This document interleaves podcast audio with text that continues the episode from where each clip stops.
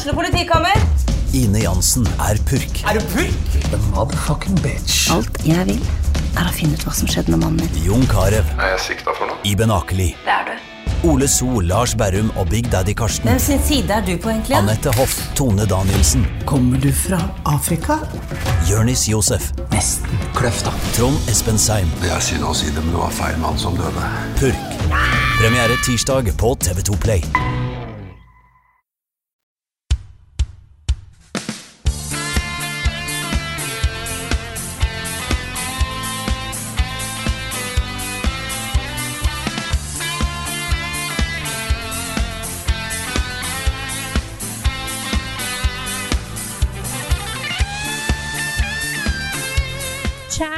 Alle lyttere av Level Backup og fans av Level Up. Nå slipper dere å gå rundt og tenke på hva det er vi har tenkt å snakke om, som vi har snakket om lenge at vi har lyst til å snakke om, for nå kan vi snakke om det. Eh, åh, det er, det er katten ut av sekken. Eh, forholdet vårt til, til Good Game har tatt nytt nivå. Åh, jeg, Ja, jeg, jeg, jeg bare gir ordet til dere. Vær så god. Vi har gått og flørta med Good Game i to og et halvt år nå. Ja, vi har hatt heite makeout sessions i gangene. Nå er forholdet konsumert. Er det det man sier? Det kan man si. Ja. Nei, De går inn på eiersiden. De har kjøpt 51% av aksjene eh, hos oss. Eh, og det er jo Vi skal snakke masse om det i, etterpå i podkasten, så vi går ikke gjennom liksom alle de spørsmålene. Bla, bla, bla. Men det er en utrolig flott uh, ting for oss, dette her. Noe vi har uh, hatt lyst til å gjøre siden vi lag, laga det selskapet her, egentlig. Eh, det, er, det er noe i det å ha en, liksom en sterk eier i ryggen som kan hjelpe oss med bedre budsjetter og eh, produksjon og sånne ting. Så, um, så vi er veldig, veldig fornøyde. Så vi skal gå i detalj gjennom eh, hva denne avtalen betyr, da. For eh, dere som hører på podkasten og ser på innholdet vårt på YouTube og følger streamene våre og har fulgt oss eh, enten de siste årene eller eh, ti år. Opptil ti år. Ja. Noen har gjort det. Det er sant. Og det ligger nå en video på kanalen vår som er eh, 14 minutter lang. Som går gjennom veldig mye av dette her. Så hvis ikke du har fått med deg den, hvis du sitter nå og hører på podkasten og lurer på hva i all verden er det de snakker om, Ja, ja. så, så bare sjekk ut den YouTube-videoen, så får du hele, hele forklaringa. Og i tillegg så er det jo litt gøy å kunne komme med dette her nå rett før jul, og på episode 350! Åh, det er så fint. Det er så fint å rundt tall. 350. Jeg, jeg har eh, gjort litt research da på eh, tallet 350, og fant jo ut at eh, vi deler jo jubileum med Larvik, som fyller 350 år i år. Oi, ja, Ja. ja. Så det er jo litt morsomt. Gratulerer til Så Larvik. vi, vi er like mange episoder som Larvik er år. ja. Det er helt riktig. Det er et stort øyeblikk for oss, dette her, altså. Ja. Kanskje vi skulle hatt en, en livepodkast i Larvik for å feire. Ja. Jeg vet hva, Det hadde nesten vært litt eh, morsomt. Det er ikke ikke nå, da. det er ikke Ikke langt nå. unna Tønsberg. Nei, ikke nå. Ikke nå. Nei. Ja, ikke bare er Norge nedstengt uh, pga. korona, jeg har fader i meg fått det. Du har fått korona. Ja, så oh. uh, Som dere hører av stemmen, så er jeg ikke overveiende bekymra for akkurat det. Det går fint. Men det er noe dritt, altså. Jeg har gått i, i snart to år og dodga den møkka-greiene her. Mm. Og så er vi liksom her, da. eh, Rett før jul, og så får jeg det. Men det er jo i hvert fall Så- bra at du fikk det etter du ble vaksinert, tenker jeg. Ja, ja. Eh, Det er som en mild influensa, dette her. Og jeg kan sitte og lage podkast i to timer, og vi hadde jo en to timer lang stream i går også. Eh, Det går fint. Så, men det er jo er sliten, altså. For de som lurer på om de går glipp av en stream, det var en, en lukka eh, Patron-stream. Eh, sånn at det, du har ikke gått glipp av noe. Men i dag har vi òg en stream eh, som er offentlig, der vi svarer på alle spørsmål som folk skal ha. Så hvis du vil ha enda mer svar på ting etter da at du har hørt neste del av podkasten, så kan du gå og se den streamen. Hvis ikke Og var vi der igjen, som Ja. er ute allerede og allerede er plassert over, Men liksom. det skal ikke, det skal ikke mangle svar på ting. Nei! Nei, Det er ganske mange alt. måter å få svar på ting, altså. Det Det er helt riktig. Mm. Og så har jeg lyst til å benytte anledningen da, til å bare gjenta um, for alle, liksom. Gå for pokker og vaksiner dere. Jeg vet det er noen som har uh, inn, innbakt motstand mot den vaksinen. Det er rundt 7 av uh, den vaksineklare befolkningen som velger å ikke ta den vaksinen. Uh, og det er jo en betydelig overvekt av ikke-vaksinerte som nå blir lagt inn på sykehuset. Så selv om det er en ganske stor andel av de som blir innlagt med store, store eh, helseproblemer pga. korona, så er det en betydelig overvekt eh, mye, mye mye større enn de 7 det skulle være, da, som ikke er vaksinerte. Og folk kommer på sykehus og angrer. Og det man i praksis gjør, er å utsette eh, alle problemene for alle oss andre, for hele samfunnet, ved Ja. å ikke vaksinere seg. Det er helt sant. Det er ikke bare du som blir påvirka av å ikke vaksinere deg, det er hele befolkningen. Det gjør, eh, det gjør rett og slett Norge til et skumlere sted. Ja, nå hører disse historiene om, om, eh, om problemet problemer på fødeavdelingene til sykehus f.eks. Man kommer inn der og skal føde, og det er kjempeproblemer pga. overarbeid og manglende ressurser og alt dette her. Vi kan ikke ha det sånn. Det er eh, eh, bare å vaksinere seg også. Det er kjempeviktig. Ja, Hvis du kan ta vaksina, så ta vaksina. Men vi må, vi må si hvem som er med i dag. Ja, herregud, Ja. det har jeg glemt. Det er meg, Frida Danmo. Med meg i dag har jeg Karl Martin Hoksnes, Rune Fjell Olsen og Niklas Halvorsen. Hallo. Hei. Oh yes. Ukens hotteste. Vi må jo selvfølgelig se litt innover i dag, og ukens hotteste er oss sjøl. Eh, Og selv, og selv. Mm. Yes. altså, det er så mye vi kan si da, om, om dette her. Uh, jeg, jeg tenker at uh, det er greit å ta litt sånn forhistorie først. Fordi uh, da vi gikk ut av VG for snart seks år siden og lagde vårt eget selskap, var det jo i utgangspunktet ikke fordi det var det vi ønska å drive for oss selv. Vi gikk i grunnen sånn Ho, gründere! Det er det vi har alltid drømt om. Å være våre egne sjefer og styre våre egne budsjetter og uh, moms og arbeidsgiver. Alle de tingene der, liksom. Nei, det var egentlig en ting jeg aldri så for meg at jeg skulle gjøre. I, samme her, samme her. Så um, vi er jo um, uh, veldig bevisst på og klar over at det vi er gode på, er å lage innhold, og utvikle konsepter, uh, den type ting. Det, det føler vi oss sterke på. Alt som handler om liksom salg og markedsføring og business, det er vi mindre gode på. Uh, og det som uh, vi egentlig har vært da, hele uh, perioden, alle disse seks årene, er jo litt på jakt etter en, en samarbeidspartner som kunne ha hjulpet oss til å bli liksom større, proffere, ha nødvendig tilgjengelig utstyr, kontor, studio, alle disse tingene. Og det er, det er i praksis det som har skjedd nå. Så vi, har, vi begynte jo å samarbeide med Good Game for uh, ca. to og et halvt år siden. Da hadde akkurat en diger avtale om en TV-produksjon eh, falt i vasken, og vi satt der med liksom eh, minkende eh, penger på konto og hva, sånn Hva skjer med oss nå? Og så fikk vi da eh, en e-post og en telefon fra Harald Strømme, som jo hadde gått inn og starta eh, Good Game, eh, som da inkluderer Telaligaen og gamer.no per i dag, med et spørsmål om kanskje vi burde snakke sammen. Eh, Og det har vi da gjort, og det har betydd livsviktige inntekter for oss disse to årene. Eh, Men det har hele tiden vært en intensjon om at eh, dette samarbeidet kan og bør formaliseres ytterligere hvis Good Game har råd til det. Og så tidligere i år så gikk jo Polaris Media, som eier veldig mange av de lokalavisene folk leser rundt omkring, inkludert noen av de største uh, i hele Norge, Adresseavisa, f.eks. i Trondheim. Eksempel, eh, pluss en del medier i eh, utlandet, Sverige og sånne ting. Eh, de gikk jo inn på eiersiden i Good Game med 40% De investerte 10 millioner kroner i det selskapet, og da husker jeg vi sa på podkasten at uh, det kunne jo kanskje være det et eller annet om ikke sant, eh, Harald Strømmen kan hende at han tar kontakt, ikke sant. Og det fikk han med seg, da. Han gjorde det! Ja, ja, ja.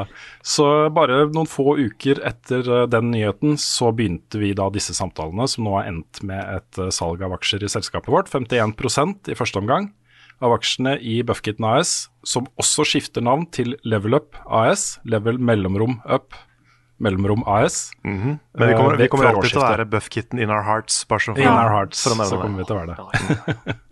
ja, eh, han, eh, han ønska jeg, jeg tror ikke han så fram til å gå inn i møter med liksom folk med penger og sånt, og selge inn Buffkitten AS og forklare hva det er for noe Nei, sånt. altså, det er jo noe med at Buff-kitten høres litt ut som et sånt erotisk treningssenter.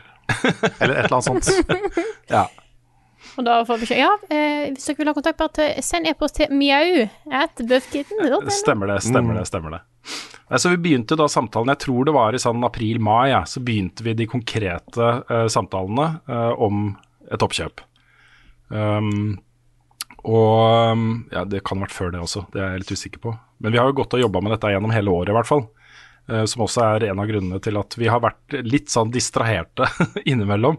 For det er store, viktige, alvorlige spørsmål for oss, dette her, og vi må være helt sikre på at vi gjør det riktig. Og vært mye fram og tilbake igjen på, på ting.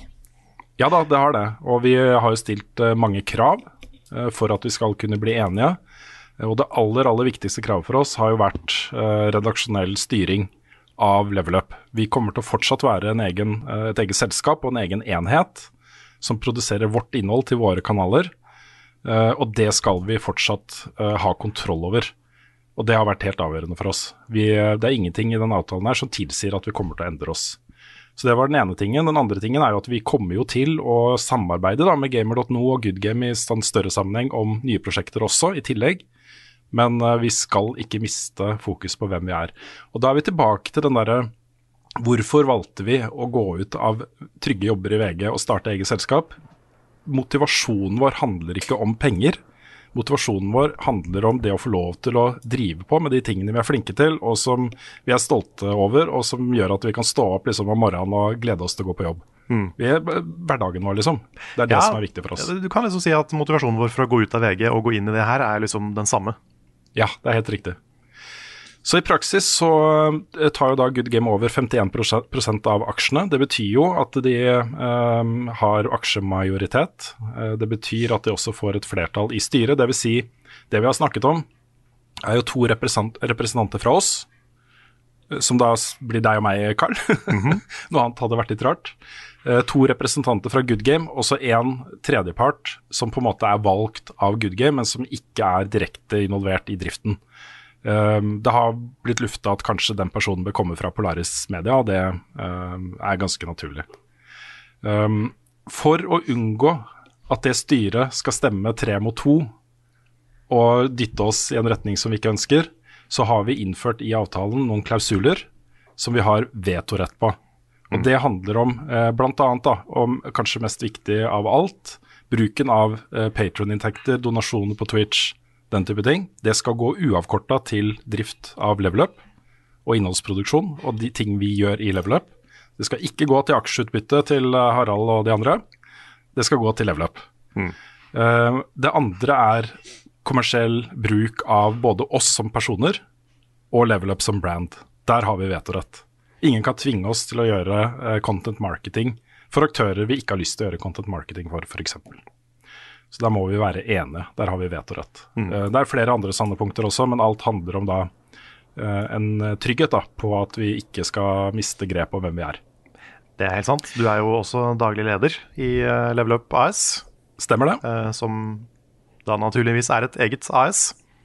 Mm. Så um, det, blir, det blir nok ikke store endringer i hvordan vi snakker om spill. For det, Nei, det det, er, det er ikke intensjonen vår. Det eneste som, er, som kommer til å endre seg, er jo da mest sannsynlig, den er kanskje garantert, at det blir høyere kvalitet på det vi lager på forhåpentligvis alle måter, men spesielt på liksom produksjonskvalitet. da. Med at vi får da studio, kontor og liksom alt det her som vi har drømt om i årevis, ikke sant? Ja, nei, for vi får jo da et, et eget rom i de, de nye kontorlokalene til Good Game. Vi har uh, Den videoen som vi har lagd uh, om dette her, er filma på de kontorene. Stort rom, ikke bare et lite kott. Det er faktisk veldig stort. Eh, Veldig stort rom. Akkurat passe stort. Det er, det er stort, liksom- stort, nok til liksom fire arbeidsplasser med PC-er og to skjermer og liksom full pakke. Pluss da et en svært område som er satt av til studio. bare studio. Og liksom. bare studio, så det blir dritkult. Ja, det er kjempestilig. Det er akkurat eh, det vi har drømt om å ha. Uh, og det er på en måte jeg, jeg tror liksom ikke folk klarer helt å forestille seg hvor stor endring det blir i praksis. Men her, vi, her sitter vi liksom på hjemmekontor, hjemme hos oss selv og filmer. Og de gangene vi skal gjøre ting felles og fellesproduksjoner, så er det et kjempeprosjekt. Da må vi liksom reise et sted og sette opp ting og, eh, og sånt. Og ofte så velger vi da ikke gjøre det, fordi det kanskje går bort for mye tid da, eh, til å faktisk få den produksjonen på plass. Så Ja, nå vil vi da sitte fire stykken eh, rundt et bord og samarbeide om, om ting i, hver dag, liksom. Ja, for å, for å være med i en cameo nå, så må jo Nick reise tre timer. Ja, det er helt sant. Ja, det stemmer. Så Det er- blir jo en forskjell, da, for det er jo dere, dere tre eh, som er på fulltid, og, og Espen som er på 50% Ja, han har kommet inn nå i løpet av de siste par årene og hjulpet oss med filming og klipping og lyd og lys og sånne ting. Han er jo kjempeflink. Vært et veldig viktig tilskudd, og det er jo deilig vi eh, bruker Eller i hvert fall før, eh, før Espen så brukte vi jo fryktelig mye tid på, på ferdiggjøring av innhold. Uh, og det er jo viktig for oss, tror vi, da, i en sånn situasjon vi er i nå, å få masse hjelp til det. Så det skal vi videreføre. Og så er det jo um, også viktig å, um, å uh, få fram at uh, både vi og Good Game har veldig stor tro på dette her, men vi må også se på det som et prøveprosjekt med en varighet på to år. Eh, Good Game har en opsjon om to år å kjøpe resten av aksjene i selskapet. Eh, og den summen vi har fått da, for eh, 51 er, eh, jeg vet- den er ikke lav, men den er vesentlig lavere enn den summen eh, de må ut med for å kjøpe resten av aksjene. Og Hvis det skjer, da, så vil vi jo fortsatt være en enhet som styrer vår egen hverdag. Men vi vil da være mer sånn som vi var i VGTV, en avdeling med eget budsjett og eget eh, resultatansvar og sånne ting. Eh, men en del da av Good Game, en større eh, eh, inkludering der. Så, mm, eh, så det er i grove trekk, da, eh, det som skjer nå. Vi, eh, eh, vi er veldig gira på dette her, og eh, entusiastiske. Og mener dette er det nødvendige og riktige neste skrittet for selskapet vårt. Eh, rett og slett. Og så vil jeg òg bare få sagt at de tingene vi har nevnt nå, med redaksjonell frihet, eh, de tingene som vi har vetorett på i styret, at Rune er daglig leder, da kommer heller ikke til å endre seg etter at Good Game, eh, hvis de velger å gå inn for opsjonen eh, og få 100% så vil de tingene fortsatt ligge til grunn for avtalen. Ja, og så får, et- får ikke Good Game noe ut av å gjøre voldsomme endringer i level up heller. Fordi det er jo De har jo investert nå i level up fordi de da forhåpentligvis har trua på level up og vet hvem vi er og hvorfor det er viktig. Så de får jo ikke noe ut av å ødelegge det. Nei, og det, det er kjempeviktig at folk forstår det også. fordi eh, uten den forståelsen hos Good Game, så hadde jo dette vært en litt sånn rar investering, på en måte. Mm. Jeg tenker vi tar et par spørsmål her, jeg, eh, som går inn på de tingene som vi snakker om akkurat nå. Det ene er fra Batgame på YouTube, eh, som skriver da Jeg vet det her er fint, at dere får finansiell støtte, eh, så dere gjennomfører større prosjekter. Men nå som dere har solgt majoritetsaksjen, har dere også mista stemmeretten til hvordan selskapet skal drives. F.eks. hvis Good Game vil gjøre noe dere ikke vil, så må dere fortsatt gjøre det, er kommentarene. Eh, Og så er det en kommentar på, um, på Discord fra O Helga Nights som skriver da, fantastiske nyheter, gratulerer. Bare én ting jeg tenker på, nå er jo teorien Good Games som eier 51% de som står med makten. Nå tror jeg ikke at det blir uh, noe trøbbel med de uansett, men hva skjer om de som eiere ber dere gjøre ting dere ikke ønsker? Og Vi har jo for så vidt svart litt på det allerede. Dette er en sånn good fate-avtale som vi har inngått. Good Game vet hvem vi er og hva vi har lyst til å gjøre. Uh, Vi har eh, fått eh, på en måte respekt for at vi ønsker å være de vi er. Eh, og vi har også på plass en del mekanikker, inkludert at jeg er daglig leder. Eh, at vi har disse to plassene i styret. At vi har disse klausulene med vetorett på noen punkter. Som skal sikre at vi ikke blir tvunget til å gjøre noe vi ikke vil. Og det som skjer da, hvis de allikevel gjør det, er jo at vi potensielt eh, mister lysten til å være med. Og hvis vi mister lysten til å være med på dette her, så er det ikke så mye igjen. Liksom. Hva er investeringen verdt da, hvis ikke Carl og jeg og Nick og Frida Espen er med på det, liksom? Altså, vi, Level Up er oss Ja, det er som vi... i mye større grad enn brandet, liksom. ja, det er som vi sier i videoen, at level up er de som jobber med level up. Level up Ja. som brand uten oss har basically null verdi. Ja, ja, ja. Eh, Det, det å selge bare merkevaren Level Up uten oss, er, er, verdien på det er kanskje 100 kroner, liksom. Kanskje litt mer, da, men, men, eh, men eh, vi kunne ha hett hva som helst. Det er liksom eh, vi som lager det, som er viktig. Så, mm, så det håper jeg folk forstår også, og det, det vet jeg Good Game forstår. Uh, målet her er jo egentlig Det er bare positivt, liksom. Det er masse positivitet rundt dette her. For Good Game er også et lite selskap som nå har fått en del penger til å satse, Uh, og det skal vi være med på. Vi skal være med på å bygge opp Good Game også, i tillegg til oss selv. Og det er en kjempespennende ting, altså. Um, hvor vi sammen står eh, mye sterkere enn vi gjør hver for oss. Det er jo, Jeg har jo lest noen av de litt mer sånn eh, bekymra, kanskje et sterkt ord, men litt, litt sånn spørrende kommentarene rundt dette her. Og veldig veldig mange av de, hvis ikke alle, er jo eh, tanker som vi også har hatt underveis Ja, ja. i den prosessen her. Og vi har snakka om det med Good Game og kommet fram til noe der hvor vi, der hvor vi føler oss trygge. Og det, det vil jeg bare at folk skal vite, at vi har, vi har hatt alle de samme tankene, og vi har snakka om det, og vi har kommet fram til ting som vi tror er helt riktig, da. Uten tvil. Um, skal vi se, Det var en ting som jeg tenkte som jeg skulle si til det som jeg bare har glemt nå. Jeg må beklage at hodet mitt er litt sånn soste og febersoste akkurat nå. Ja. Ja. Det er lov. Jeg kan, jeg kan avsløre en ting imens, da. ja. ja. Eh, fordi det, hvis du lurer på om det er noen sånne skjulte meldinger og sånn i dette her, som ikke vi har kunnet si høyt og, og sånne ting, så kan jeg avsløre da, at hvis du speeder opp videoen som vi la ut i går, eh, ca. 1500 Spillerne har baklengs, konverterer klippet til lyd, og konverterer så det lydklippet til en PNG-bildefil, konverterer det til binærkode og tilbake igjen, og så tilbake til et lydspor, som du Ja. så uh, setter ned i hastighet. Da får du vite at uh, da får du en melding eh, s- hvor, hvor du kan høre en stemme si 'dette er spennende, det gleder vi oss til'. Jeg var veldig spent på hvordan det endte, Carl. Ja. Men det er, jo, det er jo eh, Vi hadde jo en eh, en, en eh, stream for, for Patron-backerne våre der vi snakka om litt ting, og en ting som jeg, jeg gikk igjen der, som jeg tenkte å ta opp, er jo dette her med Hvordan blir dette til med Patron-pengene? For da Mm, ja, er- har jo vært vår hovedinntektskilde, og det er fortsatt en stor del av vår økonomi. Ja, det var det jeg hadde tenkt å si, Frida. Takk. Det er bra. det er bra. Ja, det er fordi eh, i praksis, da, eh, hvis du ser på det budsjettet vi kommer til å ha nå framover, så dobler vi omtrent utgiftene våre. Eh, det blir eh, lønninger som ligger nærmere eh, hva skal vi si, eh, markedsstandarden, bransjestandarden, stillingsstandarden. Eh, ikke helt oppe, liksom, men nesten. Eller ikke nesten engang, men et stykke unna, men bedre enn vi har i dag. Bedre enn vi har Eh, i Så dag. det blir ja, bedre lønninger. Eh, Det er en investering på 400 000 i utstyr til det kontoret vårt.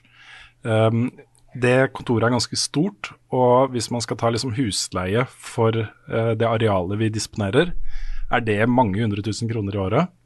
Um, og så, videre. så det er eh, en betydelig økning i utgifter her, og vi er ikke sikre på om vi klarer å tjene inn da alle de pengene vi nå satser på level up, altså alt vi gjør i dag, pluss alle de økte eh, utgiftene, kommersielt. Det kan hende at vi gjør det, liksom. Om to år så sitter vi der og så tjener vi 10 millioner kroner, og så um, er eh, på en måte patron-inntektene ikke uh, avgjørende for at vi skal eksistere. Men uh, mest sannsynlig så, så altså Det er budsjettert med at dette ikke nødvendigvis går med så voldsomt overskudd uh, første året. Kanskje ikke det andre året engang. Eh, det handler mer om å se utviklingen og, og den type ting. Og vi tror, vi, vi tror, vi er ganske sikre på at uh, Patron-inntektene er avgjørende for om uh, Good Game uh, går inn da og kjøper resten om to år.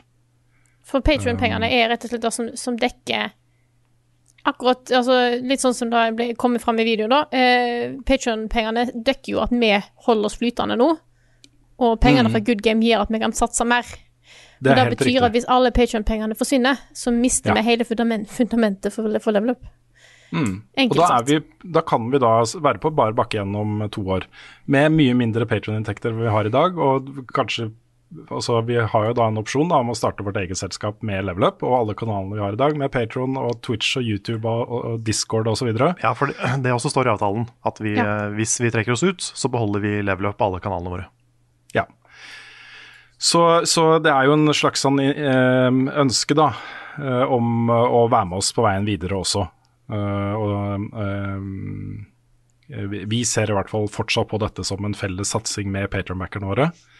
Og håper jo at vi en dag skal kunne liksom si at ok, nå går vi over til mer sånn klubbtankegang eller brukerbetaling eller et eller annet da, som handler mer om community-ting, og at man får mange morsomme ting tilbake av å drive med brukerbetaling og den type ting. Men uh, vi er ikke der nå, altså. Dette er et uh, sånn forsiktig skritt inn i en ny framtid uh, som fortsatt er usikkert. Og Good Game garanterer jo for at vi har nå da den satsingen i to år. Men vi ønsker jo å havne i en situasjon om to år hvor de kjøper resten av aksjene, og vi har sunn, trygg økonomi og kan holde på med dette her til vi pensjonerer oss. I liksom samarbeid med Good Game i en spillsatsing som det lukter svidd av, og som er kjempemorsom å jobbe med. Med gode kollegaer på et kult sted i Oslo og alle de tingene der. Kanskje flere ansatte i Level Up osv. Så, videre. så mm, Så pengene er definert i avtalen fra Patron og Twitch-donasjoner og merch-salg og alle de tingene som kommer inn eh, til oss i dag. Det er definert som inntekter som uavkorta skal gå til eh, Level Up og det arbeidet vi gjør. Så det må alle være klar over. Eh, de kommer ikke til å gå til noe annet enn det. Nei. Så vi setter ekstremt, fortsatt ekstremt stor pris på alle dere som støtter oss på Patron, og som fortsetter å støtte oss på Patron, og alle nye som har kommet til. Eh, dette her hadde ikke gått uten dere, altså. Nei, det hadde ikke det. Nei. Vi hadde ikke vært her, og ingenting av dette hadde skjedd hvis ikke det var for støtten vår på Patron. Så det, det skal dere vite. Det er eh, takket være dere at vi fortsatt sitter her og kan gjøre det vi gjør. Mm. Sånn virkelig. Ja. Ja, så det er sånn tusen takk til dere også. Vi, eh, vi eh, hadde gitt oss uh, for mange år siden hvis, uh, hvis, ikke det var for Patron. Uh, og vi har jo gjort sterke grep for å få det til. Også, vi har jo hele tiden holdt oss innenfor budsjettet vårt, inntektene. Vi har ikke lånt penger for å kunne ta ut mer i lønn, f.eks. Eller for å få kontorplass, eller for å kjøpe nødvendig utstyr og sånne ting. Vi har bare brukt de pengene vi har, uh, uten å sette oss i gjeld. Um, så det er, det er, litt derfor jeg sier at dette har vi gjort sammen. Da. For vi har også gjort en betydelig investering i å få dette her til å leve. vi kunne ha tatt oss jobber hvor vi hadde tjent det dobbelte i lønn, ikke sant. Uh, og det har aldri vært fristende engang. Liksom. Nei, dette tenk, har vi kunne, så lyst til. Da kunne vi ikke laga den der tre timer lange spoilercasten om Sekro. Vi kunne ikke ikke sant? Vi kunne ikke lagd alt det andre vi gjør. Vi kunne ikke anmeldt spill. Kunne, det hadde vært en, et, et tristere liv, rett og slett. Ja. Og så er jeg jo, Vi har snakka litt om dette her før også, men jeg er jo veldig spent på hva du syns, da, Nick. For nå ser du etter leilighet i Oslo. Eh, du skal inn på kontor eh, sammen med oss. Hva tenker du om eh, neste år? Nei, Jeg må bare klare å komme meg til byen først. Ja. Mm. Jeg, jeg, har, jeg har vanskeligheter med å se åssen det er før jeg er der selv, liksom. Mm. Uh, og så er det egentlig bare det at det er uh, Det benefitter jo meg, så klart. Men jeg er ikke helt en del av det før jeg har klart å komme meg inn på det kontoret. Jeg skjønner uh, hva du mener der, altså. Nei, og, og, og, når det har skjedd, da, da blir det gøy. For da er det så mye jeg har lyst til å lage. Det kommer til å bli mye lettere å ha svære produksjoner òg. At vi har et oh, ja. faktisk studio hvor vi kan ha E3-streams og sånn. Mm er liksom, jeg har jo snakka om Level Up Towers før, ikke sant? For det er det jeg liker å kalle det. Og det er liksom det det er. Jeg kan faktisk se det nå.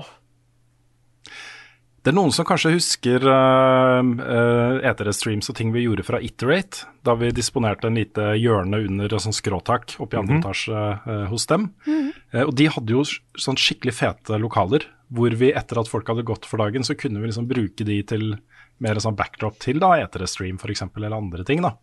Sånn er det litt her også. Det kommer til å være sosiale soner og ting som blir dekorert kult, og som kommer til å se fett ut. En Hvor vi dusj. også En dusj, f.eks. Der skal vi ikke sette opp kameraer. Skal vi ikke ha shower scenes i alle anmeldelser? Ja. Ja, ja, ja. Men vi skal sette opp lamper rundt omkring i det lokalet her, sånn at vi har muligheten til å uh, bruke liksom hele lokalet når ikke det er befolka av andre, da, på kveldstid og helger og, og sånne ting. Så det er, um, eh, det er et eh, utrolig kult lokale vi har fått der, altså. Og det er 15 minutter gange fra der jeg bor. Så det blir på en Ah, måte Det blir gutterommet mitt. Ja. Det blir mancaven min, liksom. Ja. Ja, pass på å rydde litt, da. Pass på, jeg skal passe på å rydde litt. Så um, Nei, dette her det er bare oppside for oss, altså. Um, runde litt, jeg tenker vi kan runde av. Vi kommer til å svare på alle de spørsmålene vi får sånn jevnlig opp igjennom. Men dere skal vite liksom et par ting nå. Det ene er at innflytning i de nye lokalene er planlagt til februar. Jeg har uh, veldig lyst til å være i gang altså fra 1.2. Håper det uh, er mulig med koronarestriksjoner og sånne ting. Det er det ene. Det andre er at fram til det, og også etter det, så vil det være mye business as usual fra oss. Det faste innholdet vårt fortsetter å komme ut. Vi har smått begynt å jobbe med en ny sesong av Duellen, f.eks. Uh, med klassikerinnslag, eh, anmeldelser, oppsummering, lister, eh, spill vi gleder oss til i 2022. Alle de tingene som vi vanligvis gjør, jobber vi fortsatt med. Og det skal vi fortsatt jobbe med. Um, i, den, eh, den, I den grad det kommer til å skje mange nye store ting, så vil det nok være litt avhengig av, eh, av eh, oppbemanning. Så vi kommer også til å komme ut eh, Nå fikk jeg den dumme koronaen, så kanskje ikke før eh, rett over nyttår, men snart, da. Veldig snart. Vi har holdt den tilbake pga. denne avtalen her. Men stillingsannonser, også frilansstillinger, nye anmeldere, kanskje folk som kan gå inn som vikarer, som programledere i eh, produksjonene våre. Kanskje helt nye konsepter. Som det er, vi finner folk som eh, brenner for et, en eller annen side av spillmediet som er verdt et eget magasin, f.eks. Så det kommer til å bli en ganske omfattende utlysning, hvor vi rett og slett er på jakt etter eh, folk som kan bidra da, inn i denne økte satsingen. Så, um, så, hold øynene opp for den også. Det er, uh, det er mange spennende um, frilansmuligheter som åpner seg opp nå, hos oss nå. Jeg vet ikke om det er noe vi bør legge til, Ja. Jo, jeg har lyst til å legge til én ting. Ja. Det er så hyggelig uh, i disse timene fra klokka ni, som dette ble offentlig på torsdag, å sitte og følge med på kommentarer som er sånn overveldende positive. Jeg setter stor pris på de kritiske kommentarene. Det er uh, veldig fint at vi får en anledning til å svare på de også, det gjør vi. Mm. så godt vi kan. men det er så mange hyggelige meldinger. Jeg har lyst til å lese opp en melding fra Kristoffer Bollaren Zetlitz. som, som representerer litt det. da. Det er mange tilsvarende meldinger som har kommet. Men han skriver da er så betryggende at dere får støtte i ryggen til å løfte konseptet deres videre. Level Up er en så stor del av hverdagen min, og det er så gøy å se at dere nå får realisert planene deres, og får fortsette med det dere brenner for. Håper på flere spalter og fantastiske anmeldelser, streams, podcasts med mer. En virkelig gladnyhet for min del. Dere er helt rå, gjengen. Gleder meg. Og det er den Entusiasmen er så drivstoff for oss, altså. Det å vite at vi har med oss så mange uh, i uh, denne nye satsingen vår føles innmari godt. Føles inn, det føles litt som å sitte der og følge med på det Patrion-tallet i eh, februar 2016. det er en uh, utrolig vakker ting også, at vi har uh, så flotte folk i communityet vårt. Helt sant. Det var en skummel ting å gå ut med dette her. Oh, ja. ja, vi var nervøse på forhånd. Mm. Men uh, so far so good. Og jeg er så gira på det. det er så, jeg er så gira nå. Dette er liksom noe av det kuleste som har skjedd med oss ever i alle disse ti årene. Så, så, det her kommer til å bli bra, altså. Hva har du spilt i det siste? Det har jo egentlig bare fortsatt å renne inn med Endwalker-snaps hos meg, Carl. Det stemmer. Jeg har jo nå faktisk kommet meg gjennom historien, som, som var lang, sånn som de expansion-historiene ofte er. Men nå er jeg kommet til, til slutten. Og jeg skal igjen da ikke si så mye, fordi alt jeg sier er en spoiler. For ikke bare Endwalker, men alt som har kommet før.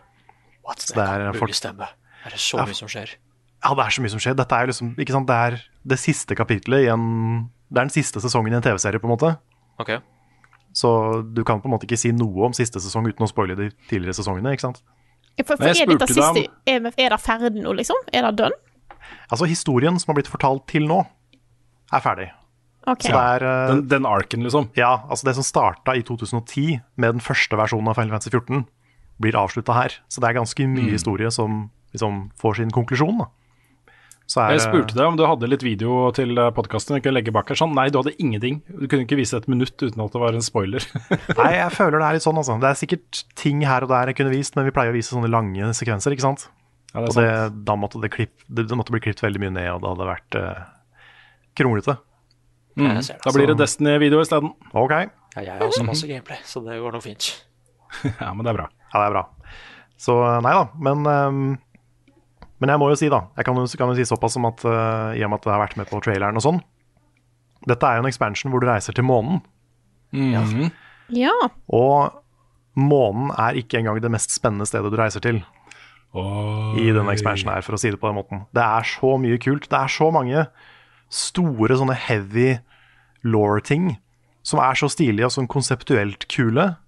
Det er en sånn herlig blanding av fantasy og sci-fi og litt sånn mer sånne filosofiske ting. Um, det er vanskelig å beskrive hva jeg mener uten å gå inn på veldig mye forskjellig, men Ja, det er near. Ja, det er veldig mye sånn filosofi og veldig mye sånn uh, grubling om livet og uh, meningen og det store intet og et univers som ikke bryr seg, men kanskje det gjør det. Altså, sånn, det er så mange store sånne livsspørsmål da, i det her. Og jeg syns historien er så bra fortalt. Jeg syns det er så Det er så sterkt, da. Universet er så sammenhengende og så rikt og svært og bra. På en måte som Final Fantasy ikke har vært siden kanskje da jeg havna i puberteten, liksom. Det er, eh, dette er det kuleste som har skjedd med Final Fantasy siden Final Fantasy 9, for meg. Det er så god historiefortelling. Sånn virkelig, liksom.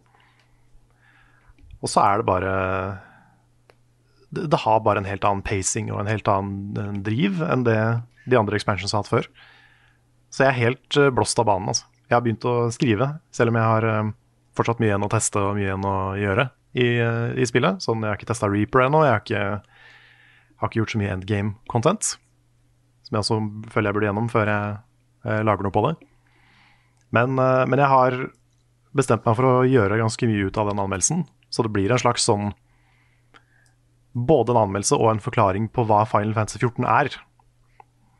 Så jeg har skrevet nå to og en halv side og fortsatt ikke kommet til Endwalker. så det kan bli en eh, litt sånn omfattende video, men uh, den får bare komme når den kommer. Det er ikke sikkert den er ferdig til før jul, så kan være det, den må fullføres på nyåret. Mm. Dessverre. Men uh, det er litt for mye å få pressa inn rett før, uh, rett før jul. Men jeg kan jo si såpass som at jeg elsker Endwalker. Jeg syns det er helt, helt fantastisk. Og jeg er veldig spent nå på hvor de går videre, fordi som sagt, dette her er en avslutning. Og det neste som kommer nå, er jo da kanskje en litt mer standalone, ny type historie. Startwalker. Startwalker. Return to Walker. Return to Walker. Men, eh, men ja. Nei, det, Walker Texas Ranger. Yes. Nei, det er helt, eh, helt amazing, altså. Kult. Og shout-out også til uh, The Nights of Billeba, som hjalp meg gjennom mange tøffe dungeons. Herlige greier Walker. det der, Carl. Mhm. Hva er det du skulle si, Freda? Det, er jo- det, er jo- det var en vits på vei der. Endwalker 2 Electric Boogaloo. Ja. Endwalker var And ikke så Walker 2. End this. Endrunner. Nei, yes. Men det var, det var meg. Ja. Eh, jeg kan jo ta og fortsette litt. Jeg eh, har eh, Det har skjedd veldig mye spennende i livet mitt siden sist. Jeg har nemlig vaska begge kattene mine. ja. Ja. Ja. Og du lever Jeg så en fortsatt. video Ja, for jeg så en video det på, på TikTok av hun derre um, Hva heter hun? Sånn, Jennifer Garner, som vasker katten sin. Det er en sånn type stor skogskatt. Hun ender jo opp med sånn kutt overalt, og det er vann over hele kjøkkenet hennes og alt mulig rart. Ja, ja, du må gjøre det. Jeg fikk tipset fra veterinær. Har du dusjkabinett? Ja. Ja, lurt. Da kan du ta igjen dørene. Eh, Ja. For det var, jeg har lagt ut bilder av dette litt overalt. Eh, jeg hadde ikke Jeg hadde mye færre kloremerker enn jeg hadde forventa, men det var mye sånne røde prikker etter klør som har stukket inn i huden min, over Ja. hele ryggen, på lårene mine, og jeg er helt sikkert i hårbunnen òg, fordi at på et tidspunkt så satt jo kattene oppå hodet mitt. Ja. Ja, ikke sant. Begge to på hver sitt tidspunkt. Zoe tok jo sats fra hodet mitt og hoppa ut av dusjkabinettet. Oh. Eh, Over kanten, liksom? Ja, Wow. mens jeg satt på gulvet. Så det var, det var spennende, men det har jeg gjort. Eh, så da har jeg gjort at jeg ikke har eh, eh, da, da satt jo en liten bremser på, på progresjonen på anmeldelsen av, eh, av Solar Ash, som jeg holder på med. Men jeg jobber med det. Jeg har kommet et godt stykke nå, eh, så jeg vil bare gi en update. Eh, jeg liker at områdene blir ganske fancy. Det gjør òg at det er litt mye sånn Du beveger deg i litt alle tre dimensjoner på dette greiene her. Så jeg og kameravinkelen er ikke helt enige akkurat nå. Så, så det, det går litt saktere enn det ville gjort hvis vi var gode venner. Men jeg jobber meg gjennom det. Jeg har lyst til å få det ferdig, og jeg krysser alle fingre for at jeg får den ferdig før jul. Hvis jeg Ja. ikke får den ferdig før jul, så blir det ikke noe av. Så det er derfor jeg må på en måte Ja. få den, få den klar. Så det er, det er målet mitt, altså. Så den, Fair er, enough. den jobbes med. Og etter at jeg måtte ta en pause for det, så satte jeg meg ned og spilte litt Stardew Valley, og egentlig bare koste meg. Så da, Ja. jeg har det ikke så fælt. Nei. Nei. Eh, Trøste deg med litt Stardew Valley etter å ha vasket eh, kattene dine. Det høres eh, fornuftig ut. åh, nei, men eh, jeg gir ordet videre til deg, Nick. Ja, for jeg er jo Jeg var jo midt i denne her, den store spillhullfyllinga av 2021, liksom. Mhm. Ja. Og få med meg alle de jeg ikke har fått med meg og sånn. Uh, så da har jeg eh, eh, Jeg har spilt et lite spill som heter Archvale. Arkvale. Archvale er ikke helt sikker på hvordan man sier det. Det er en, en sånn semi-open world RPG bullet hell Oi! med en kjempefin stil. Som- Som var veldig vanskelig, men veldig, veldig gøy. Ok, Um, og så er det også det at jeg Jeg, jeg starta på Jeg, jeg starta på Sable nå. Fordi jeg ble litt betatt av musikken. Og jeg ble litt sånn Shit, jeg må vite hvor denne musikken blir spilt hen. Ja, Å, det er så bra! It's so good. jeg er helt enig med deg, Nick. Ja, det er uh, Jeg holdt på å si Jeg, jeg, jeg veit at det har vært mye bra spillmusikk i år. Men det stopper jo ikke. det gjør ikke det. Oh my god, Endwalker, you guys. Seriøst. Ja, det er litt sånn derre Det blir så vanskelig å lage topplister av dette tullet her, altså. Ja, det kan jo informere om at vi har jo allerede Jeg så det kom et spørsmål om vi noen gang krangler. Og er sterkt uenige og, og, og sånt i level up. Og det er vel lite vi krangler mer om enn en spillmusikk, tror jeg, da. Ja. Ja. Så der, der er det, vi- har vi begynt liksom diskusjoner rundt uh, Level Up Awards, som kommer da neste uke. Og eh, der er det ganske harde fronter også, Ja, ja. i eh, diskusjoner rundt eh, soundtracks Ja, jeg til spill. Har noen controversial opinions der, altså. Ja, vanligvis er jeg veldig hard på dette, for soundtrack er en veldig nær ting til meg, men jeg hadde ingen Jeg hadde ingen Jeg hadde egentlig ingen darlings i den kåringa i år. Sånn at jeg satt meg jo egentlig bare tilbake igjen, fulgte med på at dere, krangla, og sendte gifs med folk som spiste popkorn. Det var egentlig da jeg gjorde den diskusjonen. ja. Ja, for det er jo Ja, nei, men, kriger den, nå. eh, Ja. ja, men det, det er den, den som alltid er mest kontroversiell. Det er årets eh, soundtrack.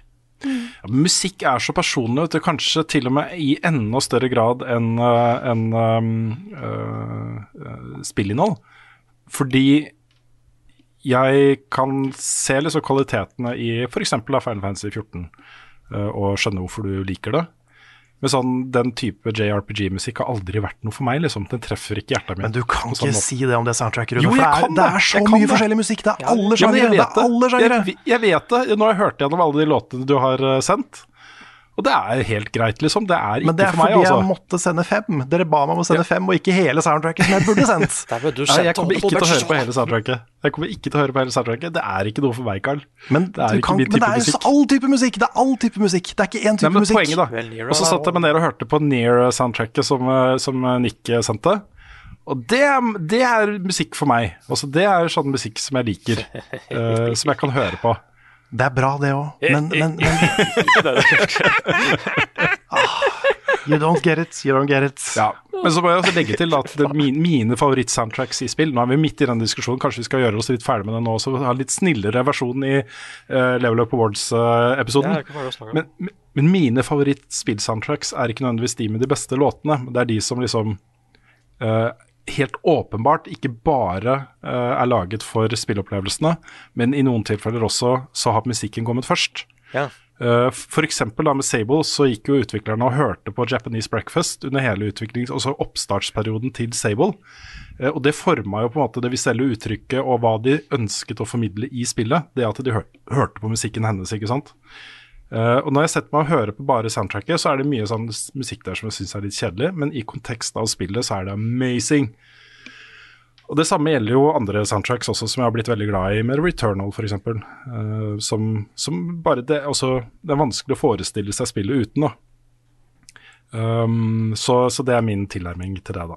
Uh, og så er jo mine forskjellige uh, preferanser innenfor musikk i utgangspunktet, ikke sant. Som kanskje er mer mot, uh, mot uh, indie, indie-rock og uh, elektronika og sånt. og så er jeg veldig glad i spillsoundtracks som ikke høres ut som spillsoundtracks. Ja, det er også en ting.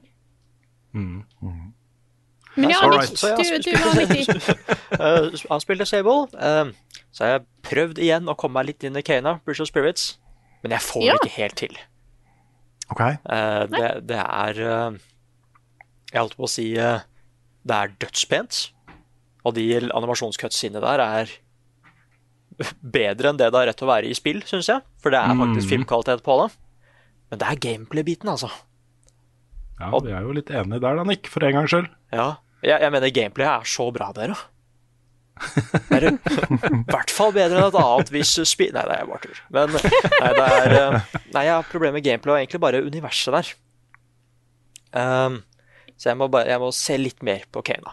Men så, det siste her, da, er at det skjedde jo en ting her nå forleden. Eh, og derfor så er dette her det siste jeg er med på før jeg går under jorda en måned. Eh, så jeg ikke blir spoila. Eh, fordi jeg måtte jo gå tilbake til Spiderman. Ja. Ja. Eh, Det var Nå kan det gå sånn at jeg ikke hadde turt å gå på premieren, så klart. Bare for å være sikker. Til og med her i Kongsvinger så var jo salen proppa full, liksom. Eh, så kom nyheten om at den ikke kommer til å bli vist i Norge før til januar. Som er veldig kjipt. Men jeg forstår hvorfor. Dette er prisen vi må betale for at vi er en av de største spredere av omikron, altså. Vi har fått et spørsmål fra Tom Ellingsen som lurer på da, hva er våre tanker om at SF sin eh, bestemte seg for å utsette Spiderman kun i Norge. Er det riktig? Er det bare i Norge den er utsatt? Ja, jeg, jeg tror det. Det tror jeg stemmer. Nei, altså, igjen, det er kjipt. Men det er, det er Og jeg skjønner også at det er jo så klart penger involvert her. ikke sant? De vil jo så klart ha svære åpnings når ting har roa seg litt ned.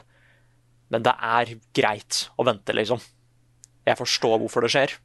Ja, det å trøkke en haug med folk inn på en trang kinosal akkurat nå er ikke lurt. Jeg hadde ikke gått på kino akkurat nå. I hvert fall ikke akkurat nå, da.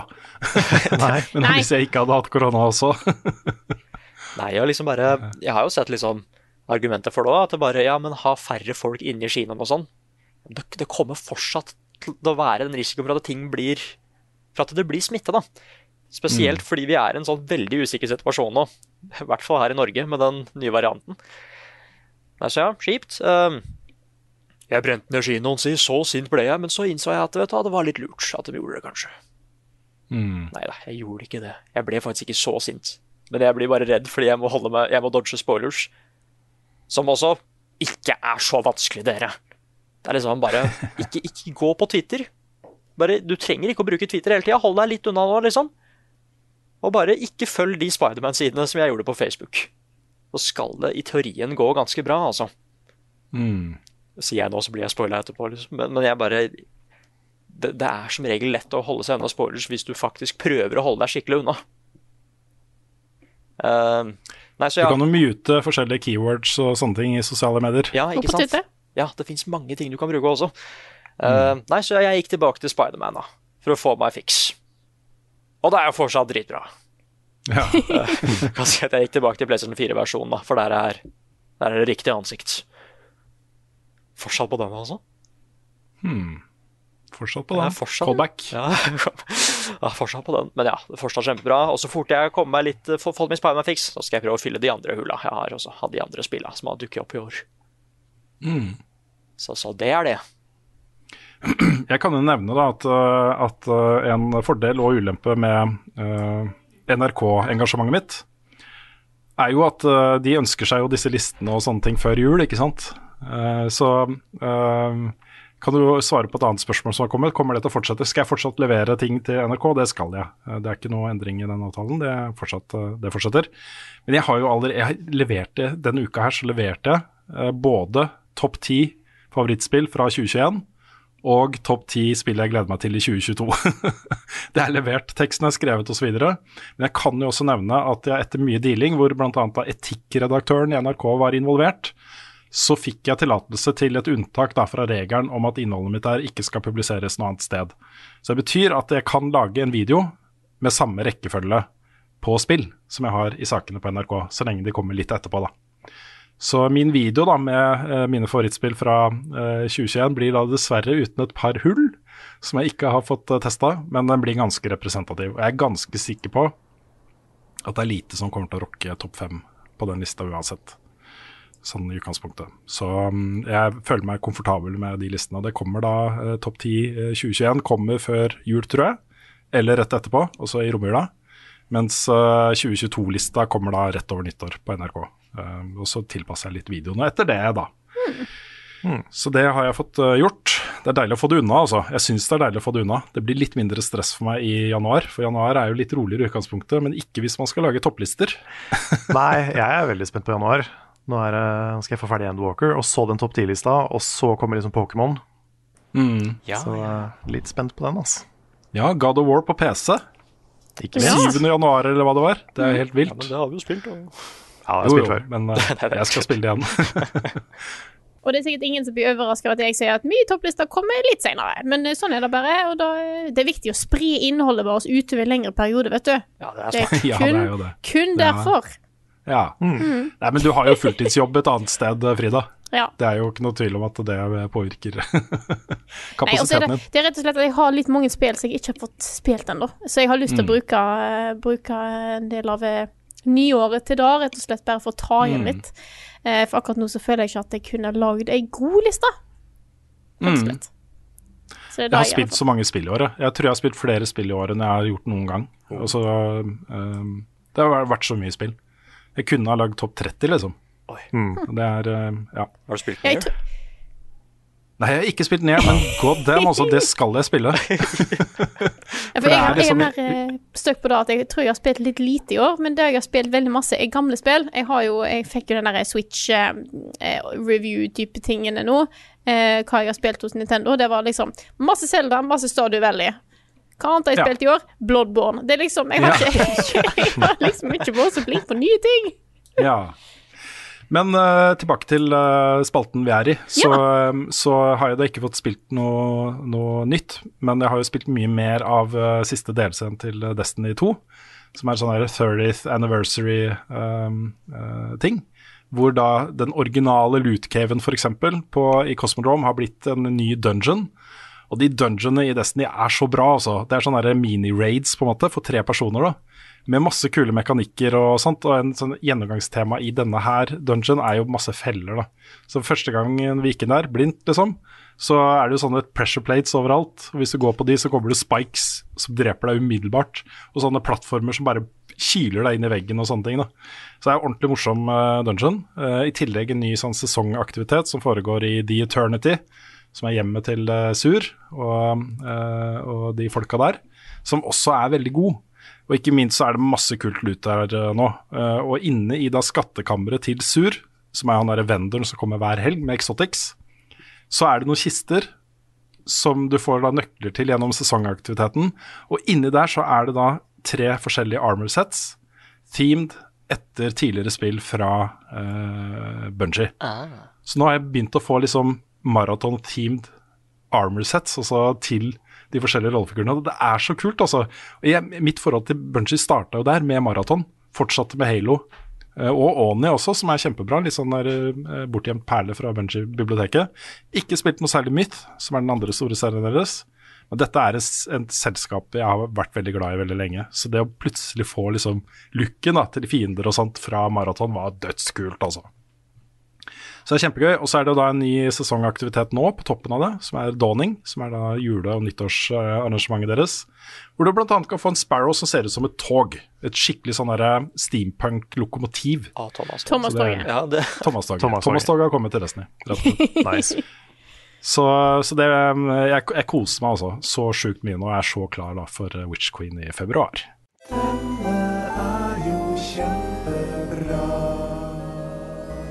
Ukens anbefaling. Vanligvis har vi én anbefaling, kanskje har vi to. I dag tror Mm. vi har fem. Ja, det kan stemme. Det kan stemme. Damn. Men nå er det jul, ikke sant? Da har folk tid til det. Ja, ja, Ja. sant. Så derfor tenkte vi Ja. bare lasse alt på dere. Eh, Rune, du kan få lov til å starte denne uka. Kjør på. Jeg vil begynne med en dokumentarserie som har blitt lagt ut på YouTube, som heter Power On The Story of Xbox. Og i utgangspunktet høres kanskje ikke det så sexy ut, men dette også er et stykke spillhistorie som det er verdt å få med seg. Ikke bare tar de for seg liksom hvordan Microsoft tenkte eh, i forkant av lanseringen av den første Xboxen, og de neste generasjonene. Men her er det liksom folk intervjua fra både um, altså Jeff Keeley blir intervjua, det er folk fra Sony, eh, det er bransjefolk fra utsiden. Eh, og det er en sånn total betraktning av hvordan spillmediet vokste opp og ble modent på da fra midten av 90-tallet eh, og fram til moderne tid. Og Det er så interessant å se, også, og folk snakker så åpent og ærlig om alt mulig rart. Uh, massevis av kule nyhetssaker som har dukka opp, bl.a. at Microsoft uh, viser det seg da. De takka jo nei til å ha GTA3 eksklusivt på den nye Xboxen. Fordi de trodde ikke det skulle være mulig å overføre det til 3D. Ha. Så det funka i 2D, men det kommer ikke til å funke i 3D, så det sier vi nei til. så den ble da isteden eksklusiv på PlayStation 2 i en ganske lang periode, ikke sant? Ja, ja. Det ble massiv suksess for Sony og PlayStation. Uh, og ikke minst også, det er kult å se det der DirectX-teamet som satt der, de blir kalt liksom renegades i den dokumentaren her. Om hvordan de satt da i et hjørne for seg selv uh, og krasja møter.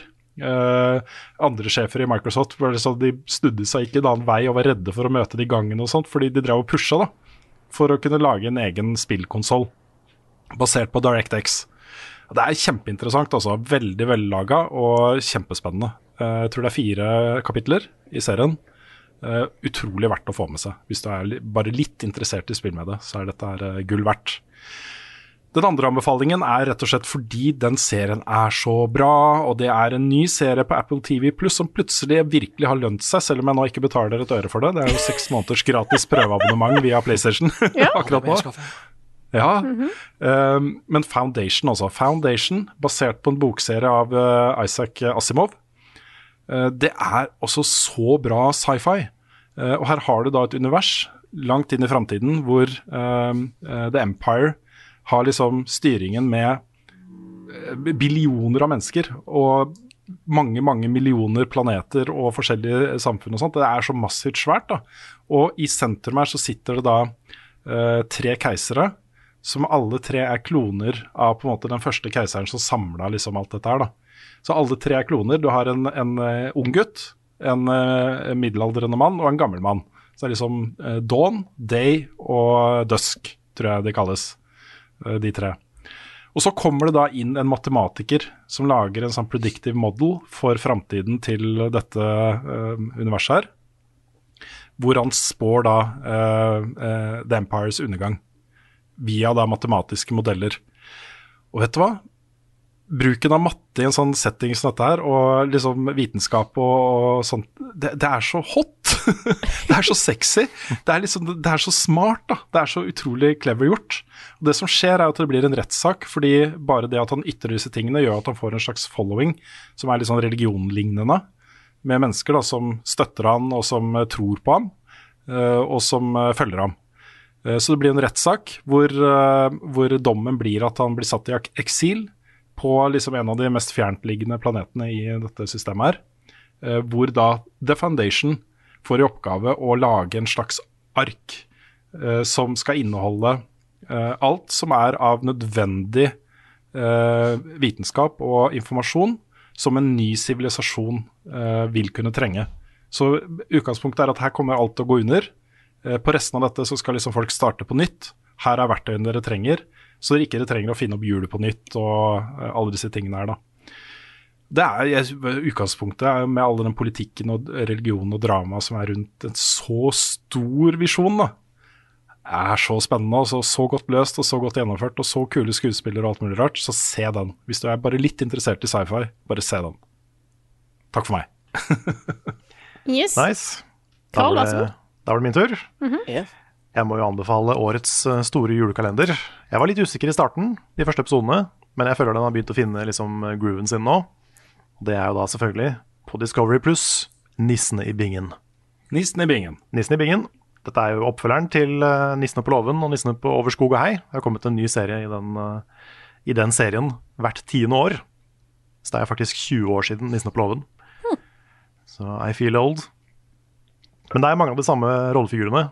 Og da spesielt eh, to av mine favoritter. Den ene er jo Asbjørn Brekke, selvfølgelig. Eh, Atle Antonsen er også med som Bent, som alltid. Ja. Eh, men min store favoritt er Synne. Og det er figuren til Siv Anita Andersen. Ja, stemmer det. Som er så fjern, og, og er bare så, en så herlig karakter. Sånn så fort Minner meg litt om en rollefigur som var med i første sesong av uh, 71, 71 grader no mm. på noen områder, kanskje. Ja, nei, jeg syns ikke hun er helt Anne. Nei, men det er noe der. Ja, men Synne er mer sånn, sånn fjern, liksom. Ja. Uh, men på en sånn herlig måte. Så, så fort Synne dukker opp, så bare det er sånn jeg våkner om og skal jeg få med meg hva hun sier, for det er alltid morsomt. Mm. Uh, Jeg oppkalte faktisk som 14-åring kaninen min etter Synne. Oi. ja, så kult. Så, så det veldig glad i den figuren. Um, men det er jo veldig mange bra uh, skuespillere, veldig mange bra characters. Og uh, det er blant annet en som er sånn erke-youtuber. Som liksom bare Alt er sykt fett og konge, og han har sånn blått hår. Jeg husker ikke hva skuespilleren heter, men uh, Han slår meg som en sånn der klassisk sånn hype-youtuber. Mm. Um, og en annen som bare sier at alle andre er legender, og fy faen, det er fett. Så det er, det er veldig mange sånn De tar, de tar veldig mange Paradise-ting på kornet. Mm. Veldig mange ideer jeg skulle ønske jeg hadde da vi lagde Noscope. Men, uh, men ja, det er, det er gøy. Så nå, nå sitter jeg oppe og liksom er klar til midnatt hver natt, for da kommer det en ny episode. Kult. Så det, det er gøy. Takk for meg. Yes, har du lyst til å ta din, Nick? Ja, for jeg, jeg kommer nå med en liten anime-anbefaling igjen. Oi, oi, oi. En anime-serie. Som seg hør og bør. Eh, og det mm. er For Fordi jeg- Det føles som at jeg har funnet noe fra The Multiverse nå. Eh, fordi dette her Det er en serie som heter Ranking of Kings. Som er kjempekoselig og eventyrlystig og sånn. Og det, det som er gøy med den, er at og, Og hvorfor, er den fra, hvorfor den er fra The Multiverse, er fordi dette her er det som hadde skjedd hvis Hvis en veldig kjent duo nå hadde dratt til Studio Ghibli og spurt om de kunne lage en anime, så tror jeg dette hadde blitt det, da. Og, og duoen er jo da, er jo da Hidetaki Miyazaki og George R. R. Martin. Og det er, det, slutt, da! Den må jeg si. Ja, Fordi det er en sånn derre Den er ikke liksom Den er ikke sånn superduper ultra dark fantasy, alt er bare superteit og verden kommer til å gå under et par ganger, og det er ikke noe sånt. Det er en veldig koselig serie med en, en konge, og den heter Ranking of Kings fordi han skal bli den beste kongen, ikke sant? Men han er en underdog-konge fordi han er, han, han er født uh, uh, Han er døv. Og de vet jo ikke helt åssen de skal håndtere det i den tida der, liksom. Så han er veldig underdog på denne Ranking of Kings. Men grunnen til at jeg også sier at den er fra Hidetaki Miyazaki og George R. R. Martin, er fordi alle elementene der Fordi det, den er Unger kan se den, men elementene som er der, kunne jeg lett sett for meg i et Dark Souls-spill òg. Hvis det bare var skrudd til 100 på hvor mørkt det skulle være og sånn. Mm. Og så er den ikke også bare for unger. Den er for mer sånn teens, til og med voksne. Den tar opp veldig voksne temaer. Og så er den bare veldig, veldig fin, og den er veldig fint animert. Ha. Så den er rett og slett en, en skikkelig banger, rett og slett. Da må jeg bare litt spørre en- korean. Hæ? Ja, den, den, den kan du se på Vakan, Det er ikke på Crunchhold, dessverre. Wakanim. er den. Ranking of Kings. Det minner meg litt om eh, en bok som jeg er veldig glad i, som heter Half a King. Ah. Joe Abercrombie, som også handler om en, en, eh, en som blir konge uten at han egentlig har eh, de egenskapene som skal til da, for å være konge. Nei, så bare, Han, han hadde en god historie. Hmm? Han hadde en god historie isteden. Ja, det går- Ja. ja, han bare Nei, den er, den er kjempekoselig. Men også ganske mørk. Hmm. Men fortsatt koselig å se på. Det er vanskelig Ja. å forklare. Man må liksom bare se det selv. Hmm. Så ja, det er det. Ja. Da tar jeg over min anbefaling her. Og denne er litt, uh, litt annerledes. Kanskje vil noen si det er en litt kontroversiell anbefaling. Jeg vil nemlig anbefale å bare hold dere unna YouTube Music. Altså, fy fader, så de har ødelagt den tjenesten der! Hva har du Ja, okay. ok. Nå, ok, Jeg skal prøve å holde dette kort, men dette, her har jeg, dette irriterer meg mer og mer, og nå begynner jeg å bli ganske sint. Eh, jeg begynte jo å bruke Google Music for mange år siden. Jeg måtte ta et valg. Skal jeg, holde, skal jeg være på Spotify? Skal jeg være der? Og fant ut OK, Google Music det funka bra. Det var lett å synke, det var lett å legge til alt jeg hadde av spillsoundtrack og bli, bli, bli. Så jeg begynte å holde meg til det, og så har jeg bare fortsatt der fordi at det passer Det fulgte med, med YouTube Premium, jeg fikk ikke ads på YouTube. Det har liksom bare vært litt sånn sammenhengende greit, bra fungerende greie. Jeg tror jeg skifta over da jeg skifta fra Apple til Android-telefon for mange, mange år siden. Og den tjenesten funka dritbra. Den hadde alt jeg trong. Du kunne lage spillelister, du kunne synke ting, du kunne ha ting offline. Det er det du trenger. Trenger ikke mer. Jeg trenger ikke masse fancy spillelister for min del. Men YouTube, vet du Nei, Google. Google de er så glad i å teste nye ting, lage satsinger, og så bare drepe de. Ja. Ja. Sånn at jeg har jo brukt mye av YouTube, nei, Google sine fancy ting. Sant? Istedenfor å bruke gamen, så brukte jeg Inbox. Den var kjempefin. Hadde masse kule features. Så la de ned den. Og så eh, har jeg brukt eh, Google Play Music, og så funka den dritbra. Og så la de den ned ved å slå den sammen med YouTube Music, som ingen brukte, for ingen syntes det var gøy. Men YouTube bestemte seg for at dette skal vi pushe. Og YouTube Music er forferdelig. Eh, grusomt, uoversiktlig, vanskelig og teit.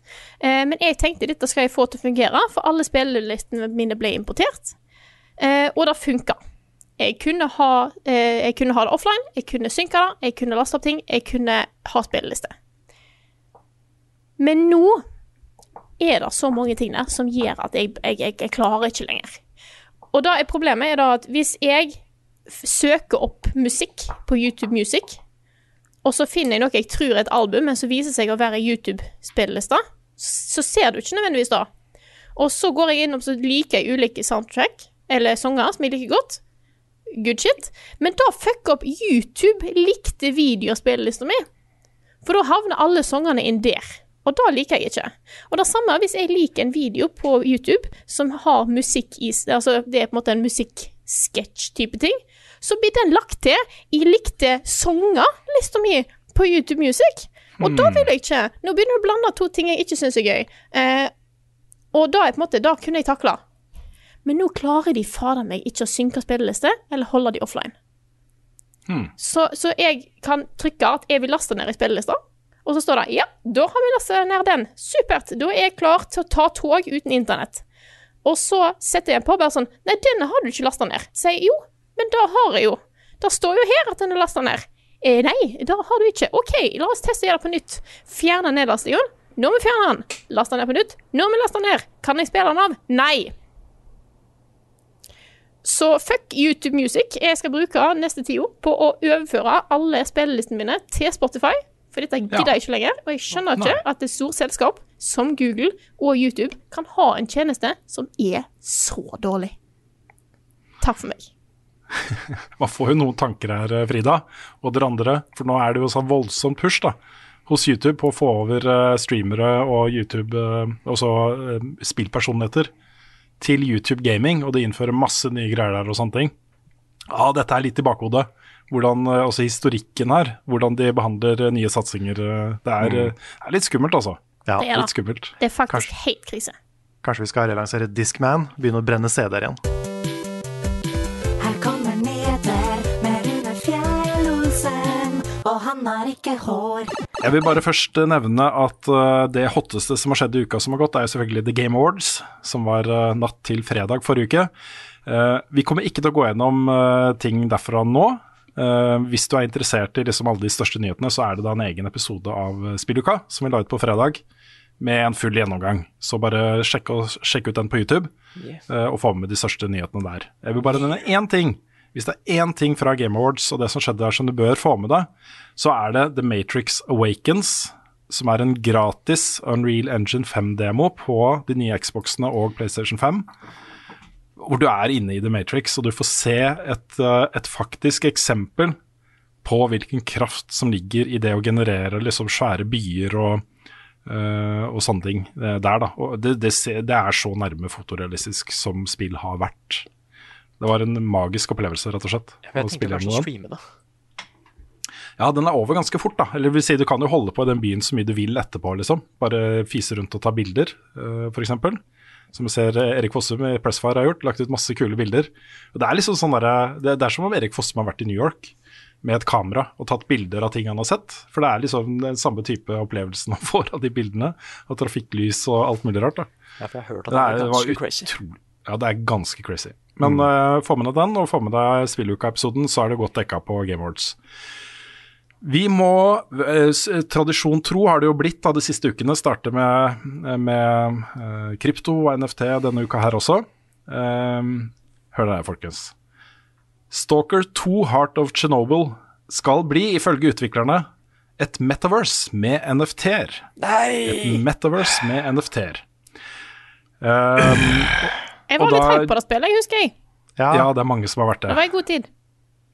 Det som, eh, det som utviklerne sier, da, eh, GSC Game Worlds, World, um, eh, det er at spillet vil ha sitt eget metaverse, spill, som spillerne kan liksom være metahumans i. Um, eh, det vil si da at de kan være da en NFT i form av en NPC, og de skal ha en konkurranse nå i januar. Hvor da vinnerne vil da sannsynligvis bli flydd til dem for å bli motion captura uh, inn i spillet og bli en NFT. Og på toppen av dette her så skal da spillet bruke blockchain-teknologi eh, for å la da eh, spillerne og communityet um, eie en del av Stalker 2. Så står det der, da um, så, uh, Så etter hvert da som brukerne registrerer for in game item drops, som vil utvikle seg uh, til da en ny gaming feature innenfor Stalker 2-universet. Så her har de bygd et, et system hvor NFT-er og blockchain blir liksom inkorporert i verden, da, i hele verden, liksom. Så øh, har jeg lyst til å nevne at noe av det som har gjort meg mest glad i uka som har gått, nesten like glad som at vi endelig kunne offentliggjøre nyheten om oppkjøpet fra Good Game og sånt, Oi. det er å se Keanu Reeves hånle Ja. av NFT-er. oh, best boy, ass. Ja, det er kjempegøy. Det er kjempegøy. Og så stopper det ikke med det, da. Fordi eh, nå skal Petter Molyneux lage et nytt spill som heter Legacy. Og det blir beskrevet da som an innovative new game that pushes the boundaries of blockchain gaming. Uh, og så videre. To get into the game, dette er sitat fra The Verge. To get into the game, players have to buy a land NFT, which lets them open a blockchain business association in the game. Mm, så kan du da eh, lage bygninger og produkter som du kan selge til andre spillere. Det er spillet. Jeg skjønner ikke dette her Altså, jeg, jeg, vi snakka om dette forrige gang. Jeg, jeg ser ikke pilen. Nei, også igjen, er da. det. Det er ingenting av det her som hadde vært umulig uten blockchain. Ja, kan Sånn literally ingenting. Man kunne gjort det her for 20 år siden. Ja, altså Jeg jeg er litt tilbake til, eh, til Keanu Reeves her også, fordi det er litt min reaksjon også. Også den derre For meg er det så åpenbart at denne bruken av teknologi i spill ikke handler om å, å videreutvikle spillmediet og innholdet i spill. Det handler om investering, om muligheten til inntjening og sånne ting. Og da er vi over i pyramideverdenen, altså. Fordi eh, si du skaffer deg en NFT i et spill til en pris, selger den videre til noen som tenker at det er en god investering, og de tjener da litt penger på det salget. De selger den videre til noen og tjener enda litt mer penger. Prisene går opp. Til slutt vil noen sitte igjen da, og ha kjøpt en NFT for en mye høyere utsalgspris enn det som var i, starten, og ikke få solgt den. Og Det er jo de som sitter med hele regninga. Alle over de har tjent penger, mens de som kommer inn for sent, uh, har betalt for det.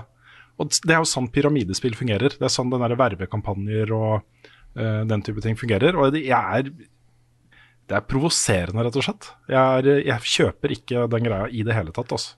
Det er Herbalife. Mm.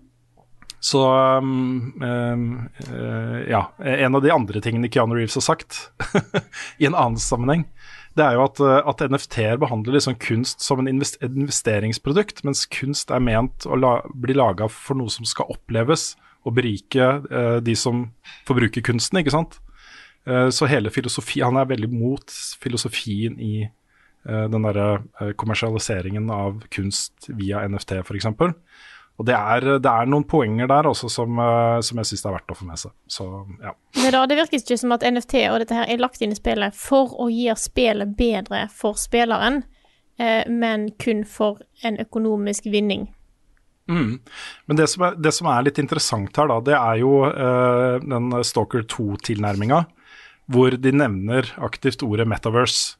Fordi um, tanken rundt det å kommersialisere og gi en verdi da, til virtuelle og digitale produkter, er jo nettopp det. At uh, her, eh, her ser man for seg en verden som er digital og virtuell, hvor gjenstander i denne verden har en økonomisk verdi. Uh, og hvor det er også, akkurat som det er i den virkelige verden, hvis du lager varer og tjenester, så kan du selge de videre til andre for en pris. Det er på en måte den samme modellen som inngår her, da. Uh, og det ligger noe der som, eh, som jeg tenker er, som er verdt å merke seg. At uh, i den overgangen til the metaverse, og til en verden hvor mye mer av livene våre foregår digitalt og virtuelt, så vil den kommersialiseringa være ganske sentral også. I hvert fall hvis vi lar Facebook styre den utviklinga. Ja, altså Facebook og NFT-folk har fått meg til å hate ordet metaverse. Ja, ja, Mhm. det er helt enig. Altså, helt enig. Den har mista all, all sin kraft. Så da um, er vi tilbake til det vi snakka om for et par uker siden. Med liksom Undergrunnen i The Metaverse kommer til å være fet. Det kommer til å være gøy. Men det er noe med sånn det, det som blir kalt digital scarcity også. Det at liksom du tar noe som i, ut, i utgangspunktet er for alltid, og er kopierbart. og gjør det ikke-kopierbart bare for å gjøre det. Mm. Det er sånn, ja vel. Det høres jo ikke, ikke ut som en bra ting. Nei. Ok, det, vi er sikkert tilbake til NFT igjen og igjen framover. Ja da. Det, ja. Men eh, det har vært en Indie World Showcase fra Nintendo. Eh, Jeg går ikke gjennom alle nyhetene der, men uh, den starta jo med et spill som jeg bare Jeg tenkte med en gang, jeg hadde lyst til å sende en melding til dere alle tre, egentlig. Bare ser dere dette her, eller? det er da et nytt um, old school eh, rollespill, JRPG, som heter Sea of Stars Oh yes. Som ikke bare ehm, ligner da, på de tingene som, eh, som man spilte liksom på SNES-æraen og, og sånt, eh, med litt sånn moderne eh, eh, vrier, men som også har musikk fra de, han som lagde musikk til Krono Trigger. Det er sant. Ja. Og så er det satt i Messenger-universet. Mm. ja, det er en eh, prolog til The Messenger. Stemmer. Mm. Så det ser veldig spennende ut. Det er ikke første gang vi har sett det, men det, det har alltid sett veldig spennende ut. Ja, ok. Ja, det var, eh, jeg mente jeg husker jeg hadde sett det før, men jeg var liksom litt usikker. Så, men det så veldig, veldig bra ut.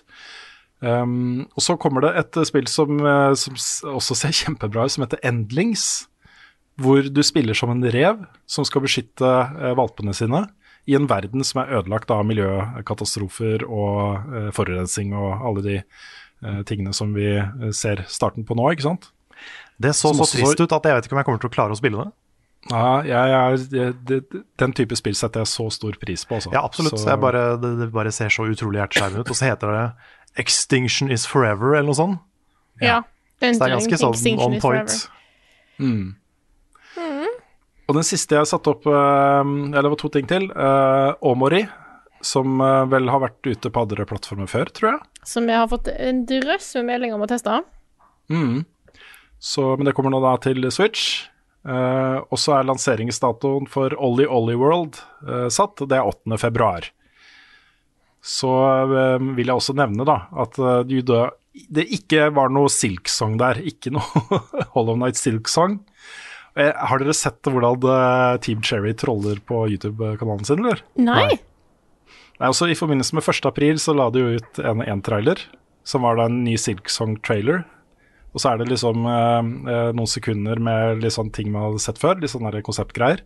Og så er det bare 'sorry, det er ikke noe nytt her', og så er det bare svart skjerm da, i mange minutter. Liksom. Det samme gjorde de nå, i forbindelse med Game Awards, så la de ut en ny trailer fra, fra Hollow Night Silksong, hvor det heller ikke er noe nytt. Det er dårlig gjort, ass. Det er dårlig gjort. Så eh, ja. Vi skal videre til, eh, til nyheter som traff meg litt ekstra hardt i uka som gikk. Det kom en rapport på IGN om arbeidsforholdene i Bungie, og jeg har jo snakka mye om hvor progressive Bungie er på alle de tingene som vi er opptatt av, som handler om, eh, om eh, inkludering og um, trygge arbeidsforhold og gode lønninger og ikke crunch og alle disse tingene her. Uh, den rapporten her tegner jo et litt annet bilde, i hvert fall om hvordan ting har vært før. Uh, med mange ganske triste historier fra folk, da, tidligere og nåværende ansatte, om uh, både kjipe sjefer og crunch, eh, og eh, manglende inkludering og, og litt sånn derre eh, ugle eh, At noen teams ble liksom uglesett da, i utviklingen og ikke ble hørt og eh, eh, ikke fikk det de hadde krav på få, den type ting. Så dette, dette var jo, eh, tenker jeg, da, et eksempel på at selv i de selskapene som jobber aktivt for disse tingene her, eh, så lenge man er store nok, så vil det være eh, tilfeller hvor, hvor ting ikke er som det skal være. Eh, og så er det jo mange, også de som uttalte seg til IGN, som peker på at eh, de siste par årene har Bungie gjort veldig mye da, eh, på eget initiativ for å rydde opp i disse tingene.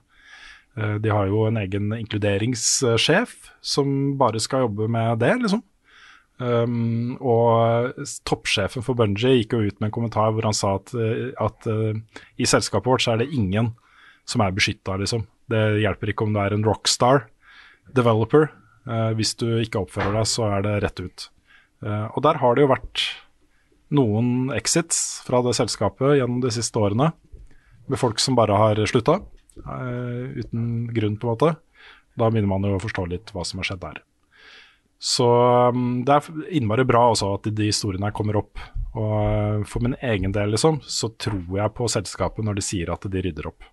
Så um, Eh, det skal de få lov til å gjøre, tenker jeg da. Alle selskaper som faktisk aktivt går inn og rydder opp, Ja, og som ikke bare eh, sier må vi heie litt på. Ikke sant? De må vi heie på. Altså, Eller er eh, rydde opp når først media begynner å ta tak i at det er et problem. Ikke sant? Mm. Ja, ja, ja.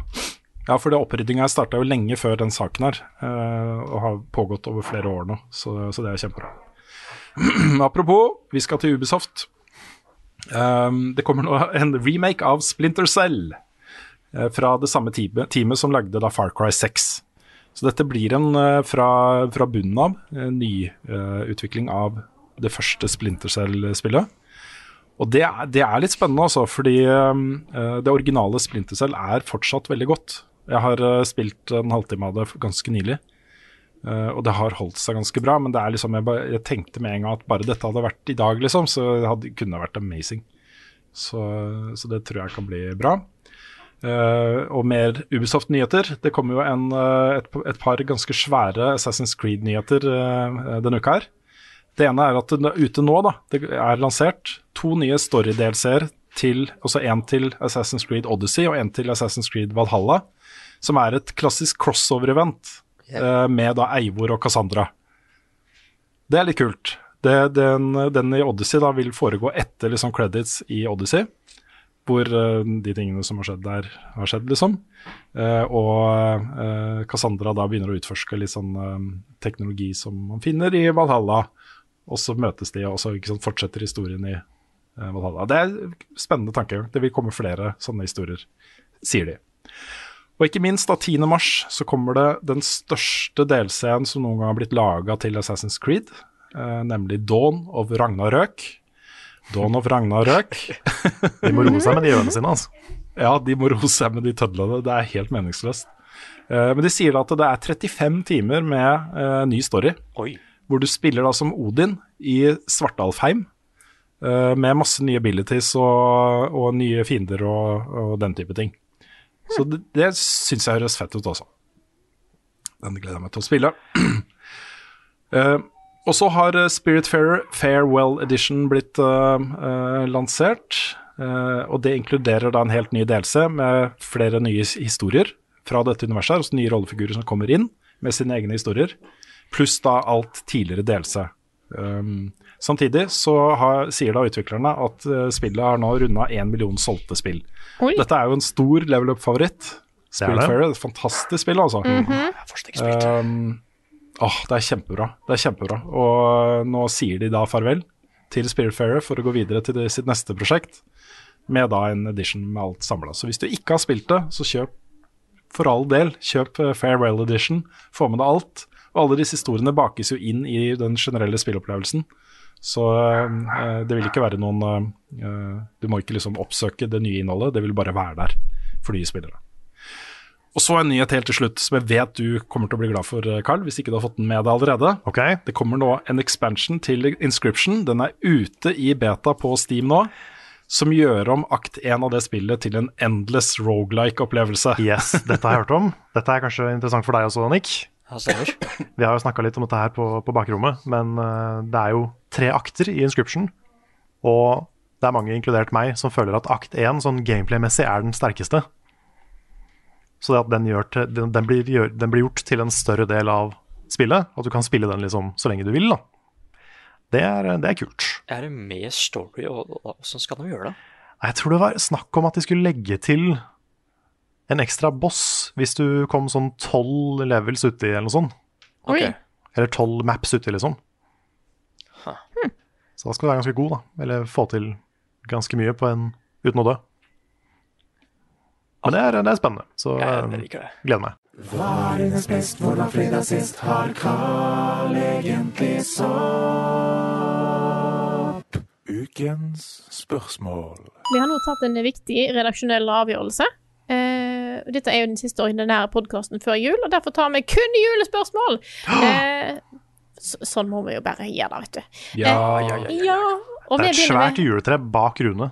Det er det. Som ikke er pynta ennå, da. Det er ikke pynta ennå, men det er lille julaften, er det ikke det? Ja. Ja, tradisjonelt, men jeg tror vi skal pynte det litt før også, bare for å forlenge den julestemninga litt. grann. Vi har en Rebels. utfordring nå, vet du, fordi halvparten av familien er koronasmitta, halvparten er ikke det, så vi kan liksom ikke pynte det sammen. Dere kan pynte hver deres vi- del. Dele på Ja, det var det Ja. jeg skulle si. Så sånn er det. Ja. Yes. Uh, nei, men, nei, da begynner vi her. Uh, vi begynner med spørsmål fra Sondre Lie. Han skriver Norges viktigste julespørsmål. Han skriver ribba, pinnekjøtt eller tunfisk. Jeg lurer på om han mener lutefisk, eh, men Det, er, det er noen som spiser tunfisk på julaften også. Det er det? noen som spiser egentlig alt mulig rart. Ja, folk gjør det. er noen som spiser Grandis på julaften. Du kan kombinere to av de, da. Sånn som Espen Eckbo sier. Fiskepinne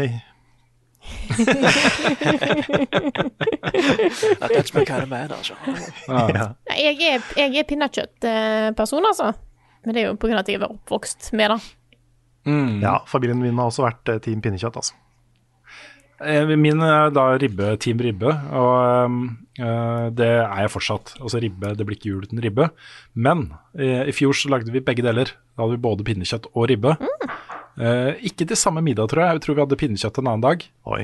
Det er, som Eh, men, det er som å kjøpe både Pokémon Sword og Pokémon Shield.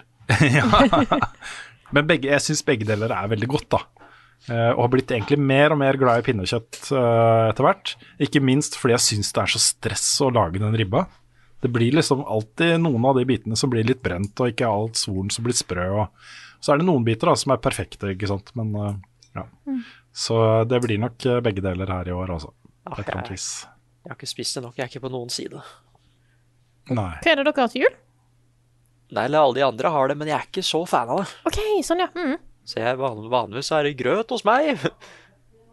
Eller så liker jeg å lage Nix hjemmelagde pølse potetstappe, for det ser som snø og sånn. Og det starta som liten, og så er det fortsatt så digg.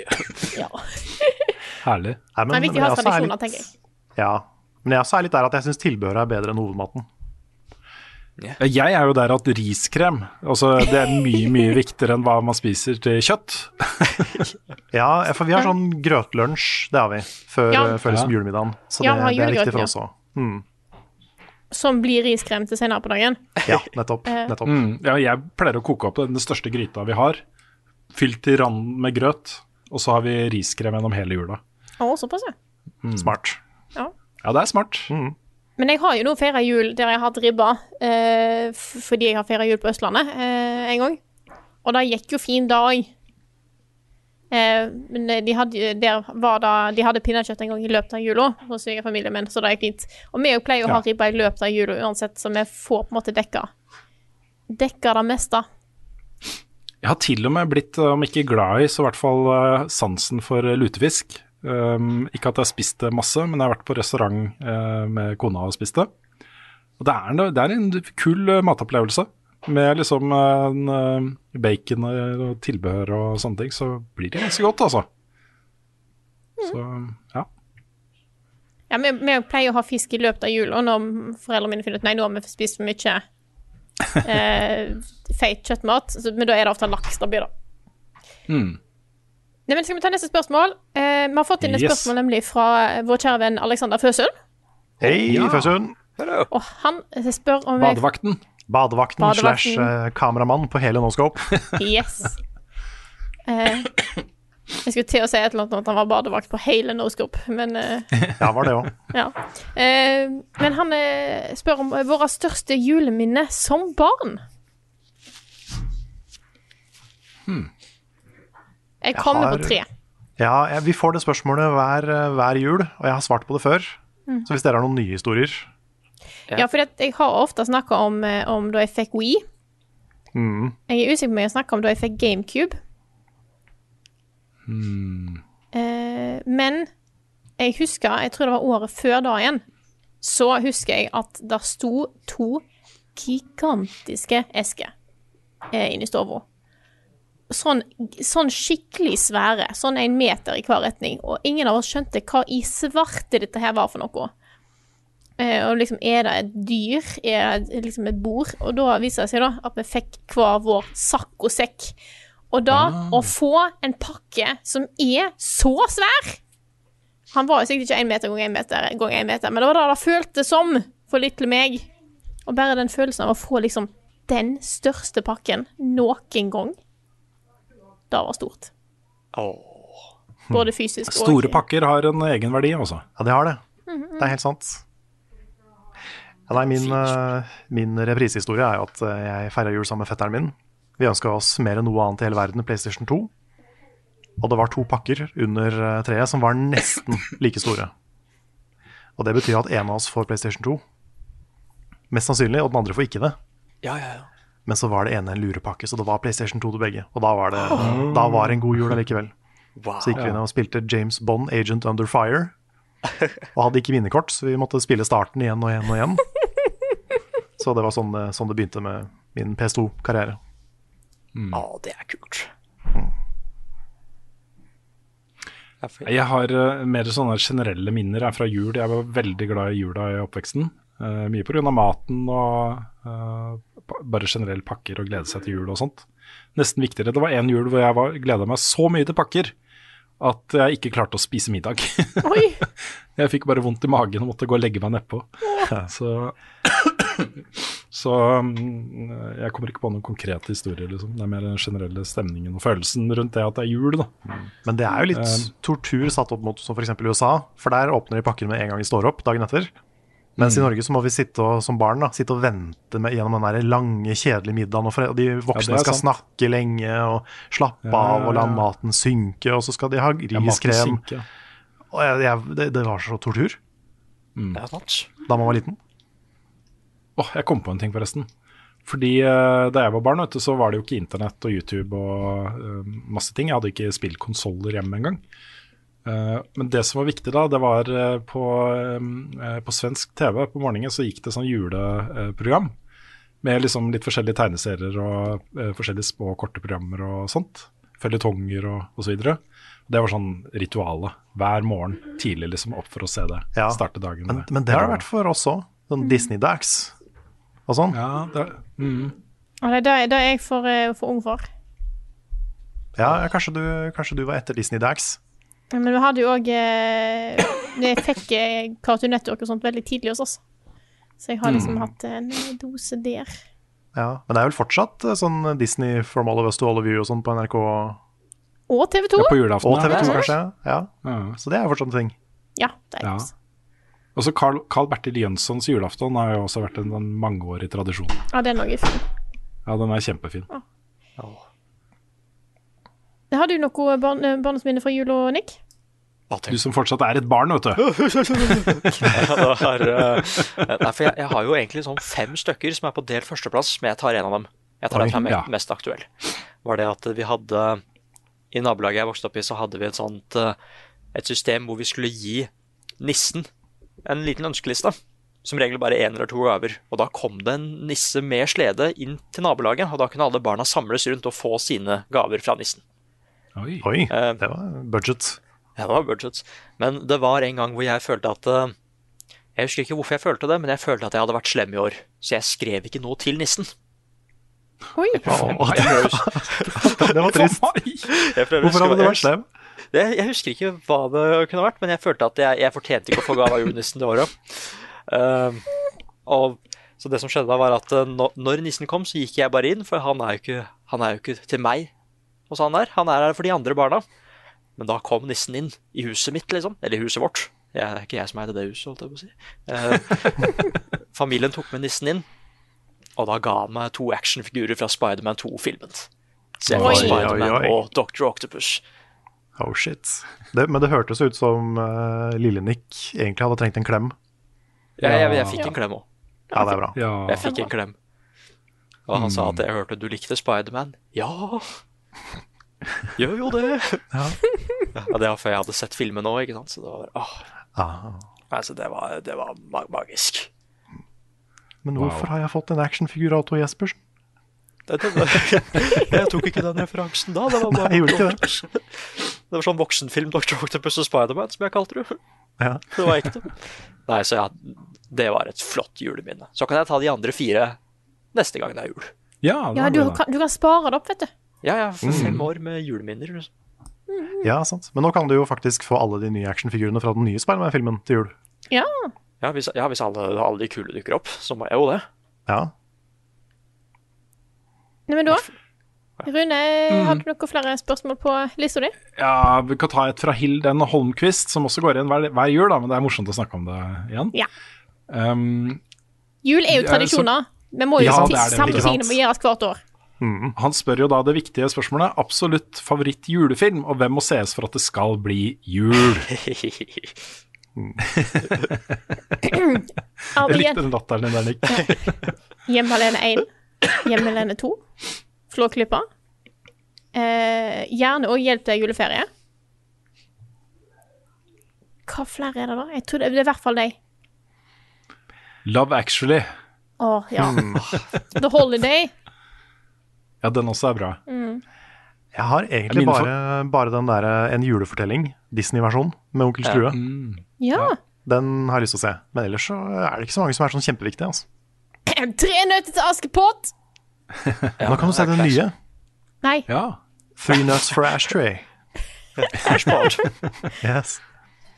Uh, Det, blir, det blir på en måte ikke jul uten å ha sett uh, Carl Bertil Jønssons julaften, så det er nok den viktigste, selv om det er en kortfilm. da Eh, Animert kortfilm. Eh, men ellers så er det Love Actually, Die Hard, Bad Santa og ja, Bad Santa. De må ses. Ja. Ah, Jeg begynte å like Le Miserable, for den er så morsom. Er, ingen av dem kan synge, men de prøver så godt de kan. Og det er litt Russell. Crowe og sånn. Eh, nei, men jeg holdt på å si det er ikke jul med mindre uh, den første Home Alone går. Den pleier alltid å gå når vi åpner pakker òg. Den er liksom alltid til stede. Men det verste er at jeg har jo lagd min egen tradisjon, så nå er det faktisk Kung Fu Panda. liksom. Jeg ser på den hvert Den gikk én gang på noe Disney XD eller et eller annet sånt en jul. Og bare wow, dette er den beste julefilmen of all time. Og da har det liksom ikke stoppa da. Nei. Så ja, Kung Fu Panda og Hjemme alene igjen. Det er liksom julefilmene. Men den, den som kom på Netflix i fjor, den som bare heter Klaus, Ja, ja, Ja, ja. den den er er veldig bra. Den det er en bra film, den er altså. kjempebra. Den er pen. Åh, det hadde vært morsomt hvis jeg bare sa Texas Chainsaw Massacre. Hellraiser. Ringu er en flott julefilm. Eh, jeg kan ta et til her, fra Jonas Røiseland, yeah. som lurer på vi er, Du har jo i hvert fall svart litt på det fra før, eh, Carl, men han lurer på om vi følger med på en julekalender i år på TV, som vi anbefaler. Eh, og har dere en adventskalender som er enten kjøpt eller fått fra deres kjære? God jul. God jul til deg også, Jonas. Ja, du hadde jo nissene på Hva er det det het? Nissene Eh, Nissen i bingen. Nissen i bingen. Ja. så Nissen i også, bingen. også fått av eh, kjæresten min, eller av eh, foreldrene til kjæresten min, en eh, sånn skraplodd-julekalender. Ja, Så det er sånn jeg har tenkt å dekke budsjettet til Level Up eh, neste år. Ja. det høres eh, bra ut. Da har du den. Yes. Det er fint. ja, for jeg har fått en sånn en av, av svigerforeldrene mine. Eh, så langt blir det ikke store bidraget til, til Level Up sitt budsjett. Eh, Det er ikke julaften ennå. Hmm? er ikke julaften ennå. Nei. You never know. Ellers så har jeg òg eh, Mamma er veldig eh, glad i å lage fikse til ting, så jeg har faktisk pakkekalender i år òg. Og har du det? Jeg har det. Det savner jeg. Ja, samme her. Så da er, Kona da lagde er- det til meg ett år, og så sa hun aldri igjen. oh, Mens jeg har også juleskrapekalender. Som jeg fikk av my parents. Jeg kan kanskje legge til budsjettet, for jeg har fått ni nisser. Så kanskje. Oi, Oi, oi, oi. Ja, så jeg mangler bare Skal vi se her. Et, jeg mangler tre stykker til en million. Det kan være det der eh, Det er der pengene ligger. Åh, Ja. Det er bare du slutter i Level Up og flytter til LA, liksom. ja, det hadde jeg aldri gjort. en det. million! Nei, det er bra. Ja, med én million. ja, det også er en sånn bit med Synne i Nissen i bingen, bare i en annen setting. Da, sånn nøtteprogram eller sånn. Lille nøtteaften en gang. Så er sånn, ja, Hvis du vinner en million, hva skal du gjøre da? Nei, da skal jeg kjøpe hus og båt og bil. Det er ikke, det er ikke langt unna. Liksom. Ja, det, er litt, det er litt som å se på budsjettet vi har for å innrede studioet vårt og Ja, kontoret vårt. det er litt sånn. Det er mye penger, men det kan fort gå hvis ikke vi er Det går fort. Det det er helt sant. Yep. Jeg har ingen julekalender i år Nei. eh, i det hele tatt. Eh, Men vi ser på julekalenderen på NRK hver dag. Eh, Jeg husker ikke hva den heter. Det er noe sånn juleteater eh, eh, et eller annet. Eh, Men den er veldig fin. Den er veldig fin. Den er lagt i Kristiania og området vårt. Da. er Vika-pakket, og vi bor jo rett ved siden av Vika, liksom. Um, så, uh, så det er gøy. Um, og så syns jeg den serien som gikk på NRK for noen år siden, som heter uh, Snøfall? Uh, Snøfall, det er kanskje den beste julekalenderen jeg har sett. Ja, den har jeg ikke sett. Den hørte jeg var kjempebra. Men, Vent litt, nå er det Ok, det er slutta å ringe. Beklager, det er en telefon som ringte, som ingen tok. Så, eh, ja. Men Snøfall var bra også. Ja. Apropos, hva er, utenom Snøfall, hva er den beste sånn barne-TV-julekalenderen? Oi. Oi. For meg så var det jo liksom jul på Sesam stasjon da jeg var liten. Men det var jo liksom, jeg husker jo Skomakergata var gøy. Ja, jeg det var, det var litt sånn, jeg husker at det var litt sånn gammeldags for meg. Ja. Mm, samme her. Og Vazelina var kjempespennende. Vazelina, husker Ja. jeg. Det julekalender er en klassiker. Mm. Men det er kanskje ikke barne-TV-julekalender, det er mer sånn TV2-julekalender. Ah, Ja. Det er nok ikke det. Nei. Men ellers jeg på en måte Jeg har Jeg så jo på veldig mange sånne julekalendere opp under tida, og jeg likte jo Jul i Blåfjell og hele den gjengen, men jeg, jeg, jeg tror det var mange som hadde et mye sterkere Eller har et mye sterkere forhold til det enn det jeg har. Mm. De har ikke vært en så stor ting for meg, altså. Ja, for Jeg jeg, Jeg var for, eh, jeg var for fjortis og for kul for Blåfjell. Ja. Eh, Men ikke Amalies jul, husker jeg. Den var ganske ok. Det Der også var det noen sånne skjulte nisser og noe greier. Det vet ikke om jeg husker. Vi må videre. Ja. Til et viktig spørsmål fra Mattis Hjelmrud. Å. Eh, Da tar jeg bare en av de to spørsmålene som han stiller. Men det er da hvilken julebrus liker dere best? Kjedelig champagnebrus slash brun julebrus, eller den beste av de alle, Rudolf og nissen? Eller da skråstrek rød julebrus? Det Mange føringer i spørsmålsstillingen der. Absolutt. Jeg må si meg enig i, uh, i uh, utgangspunktet hans. da. Den røde julebrusen er best. Og nå har vi testa en ny.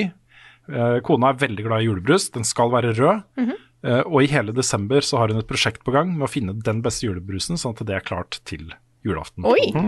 Og da har uh, testa vi en som heter Hansa julebrus, på boks faktisk. Og den skal jo egentlig ikke være på boks, men det er den beste julebrusen jeg har uh, smakt. Så den, uh, den anbefaler jeg. Ja, Den er rød og god. Den må jeg give a go. For jeg har jo det problemet at den julebrusen jeg liker best, den får jeg ikke tak i i Trondheim. Oi. Nei. Eh, Da er Lerum sin. Lerum har en julebrus, det er halvliterflaske. Plast. Eh, den eh, Jeg har sett den én gang i Trondheim. Eh, og det var etter jul. Men ellers De har den på Vestlandet. Da er den beste. Syns jeg. Den er rød. Han smaker relativt likt som Hamar Lillehammer, bare at jeg syns han smaker litt mer jul. Jeg vet ikke hvorfor, Ja. jeg vet ikke hva det er. Han smaker mer jul. Nick? Nei, jeg, jeg, jeg har jo min urge. Urge. Ja, Har du, har du prøvd Urge julebrusen? Ja, det har jeg gjort. Har Urge egen julebrus? Ja. Uh, ja. Holiday, uh, et eller annet. Og den, eh, den, den var god, men den slo ikke Urge. Nei, for jeg har hørt at eh, det, var, det er veldig delte meninger om den. Ja, fordi det er jo Det er egentlig Urge Intense, bare uten sukker. oi. Så de prøver å være litt sånn sneaky med den. Ha. Og det er derfor jeg liker den nå. Men, eh, men du må ha litt sukker inn, altså. Eh, nei, så jeg, det, det er fortsatt bare Urge. Jeg har ikke smakt nok julebrus. Fordi why? Why would I? Jeg har Urge. så jeg vet ikke hvem som er best. Nei. Jeg liker den eh, danske, den derre Pyntegolebrus. Nei, jeg har heller ikke vært noen sånn super julebrus-fan. Min julebrus er cola. Ja, Jeg hadde på å si, Ja, kanskje neste, brusen, neste år, når ting har råd seg ned, skal vi gå og finne den beste julebrusen og lage sånn tier. Det kan, vi kan være sånn upartiske julebrustestere. Ja, for vi er jo mm. Ja, fordi folk er jo supermilitante på julebrus, Ja. men det er jo ikke vi. Nei, Kanskje vi skal være liksom det nøytrale partiet.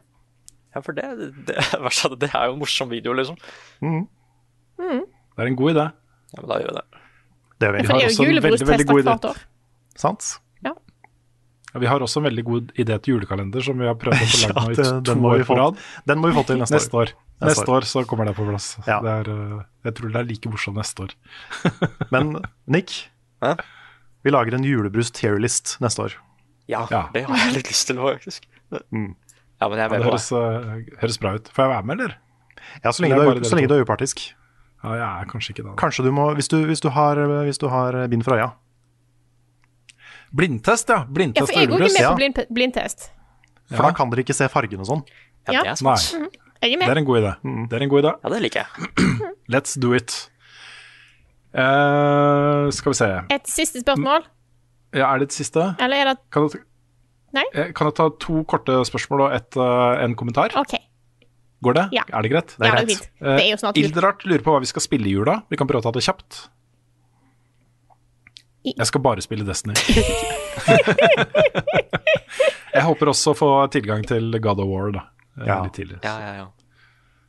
Tror jeg skal spille Jeg skal bli mer Endwalker, og så blir det litt Pokémon, regner jeg med. Ta med Switchen hjem. Og så har jeg, så har jeg vært veldig nysgjerrig på Slay the Spire i det siste. Ja. Så mulig jeg tester det. Jeg eh, kommer bare til å ta med meg Switchen hjem, ikke noe annet. Så eh, da enten så finner jeg nok eh, Har du et enkeltpersonforetak eller en liten bedrift? Da er du sikkert lei av å høre meg snakke om hvor enkelt det er med kvitteringer og bilag i fiken, så vi gir oss her, vi. Fordi vi liker enkelt. Fiken superenkelt regnskap.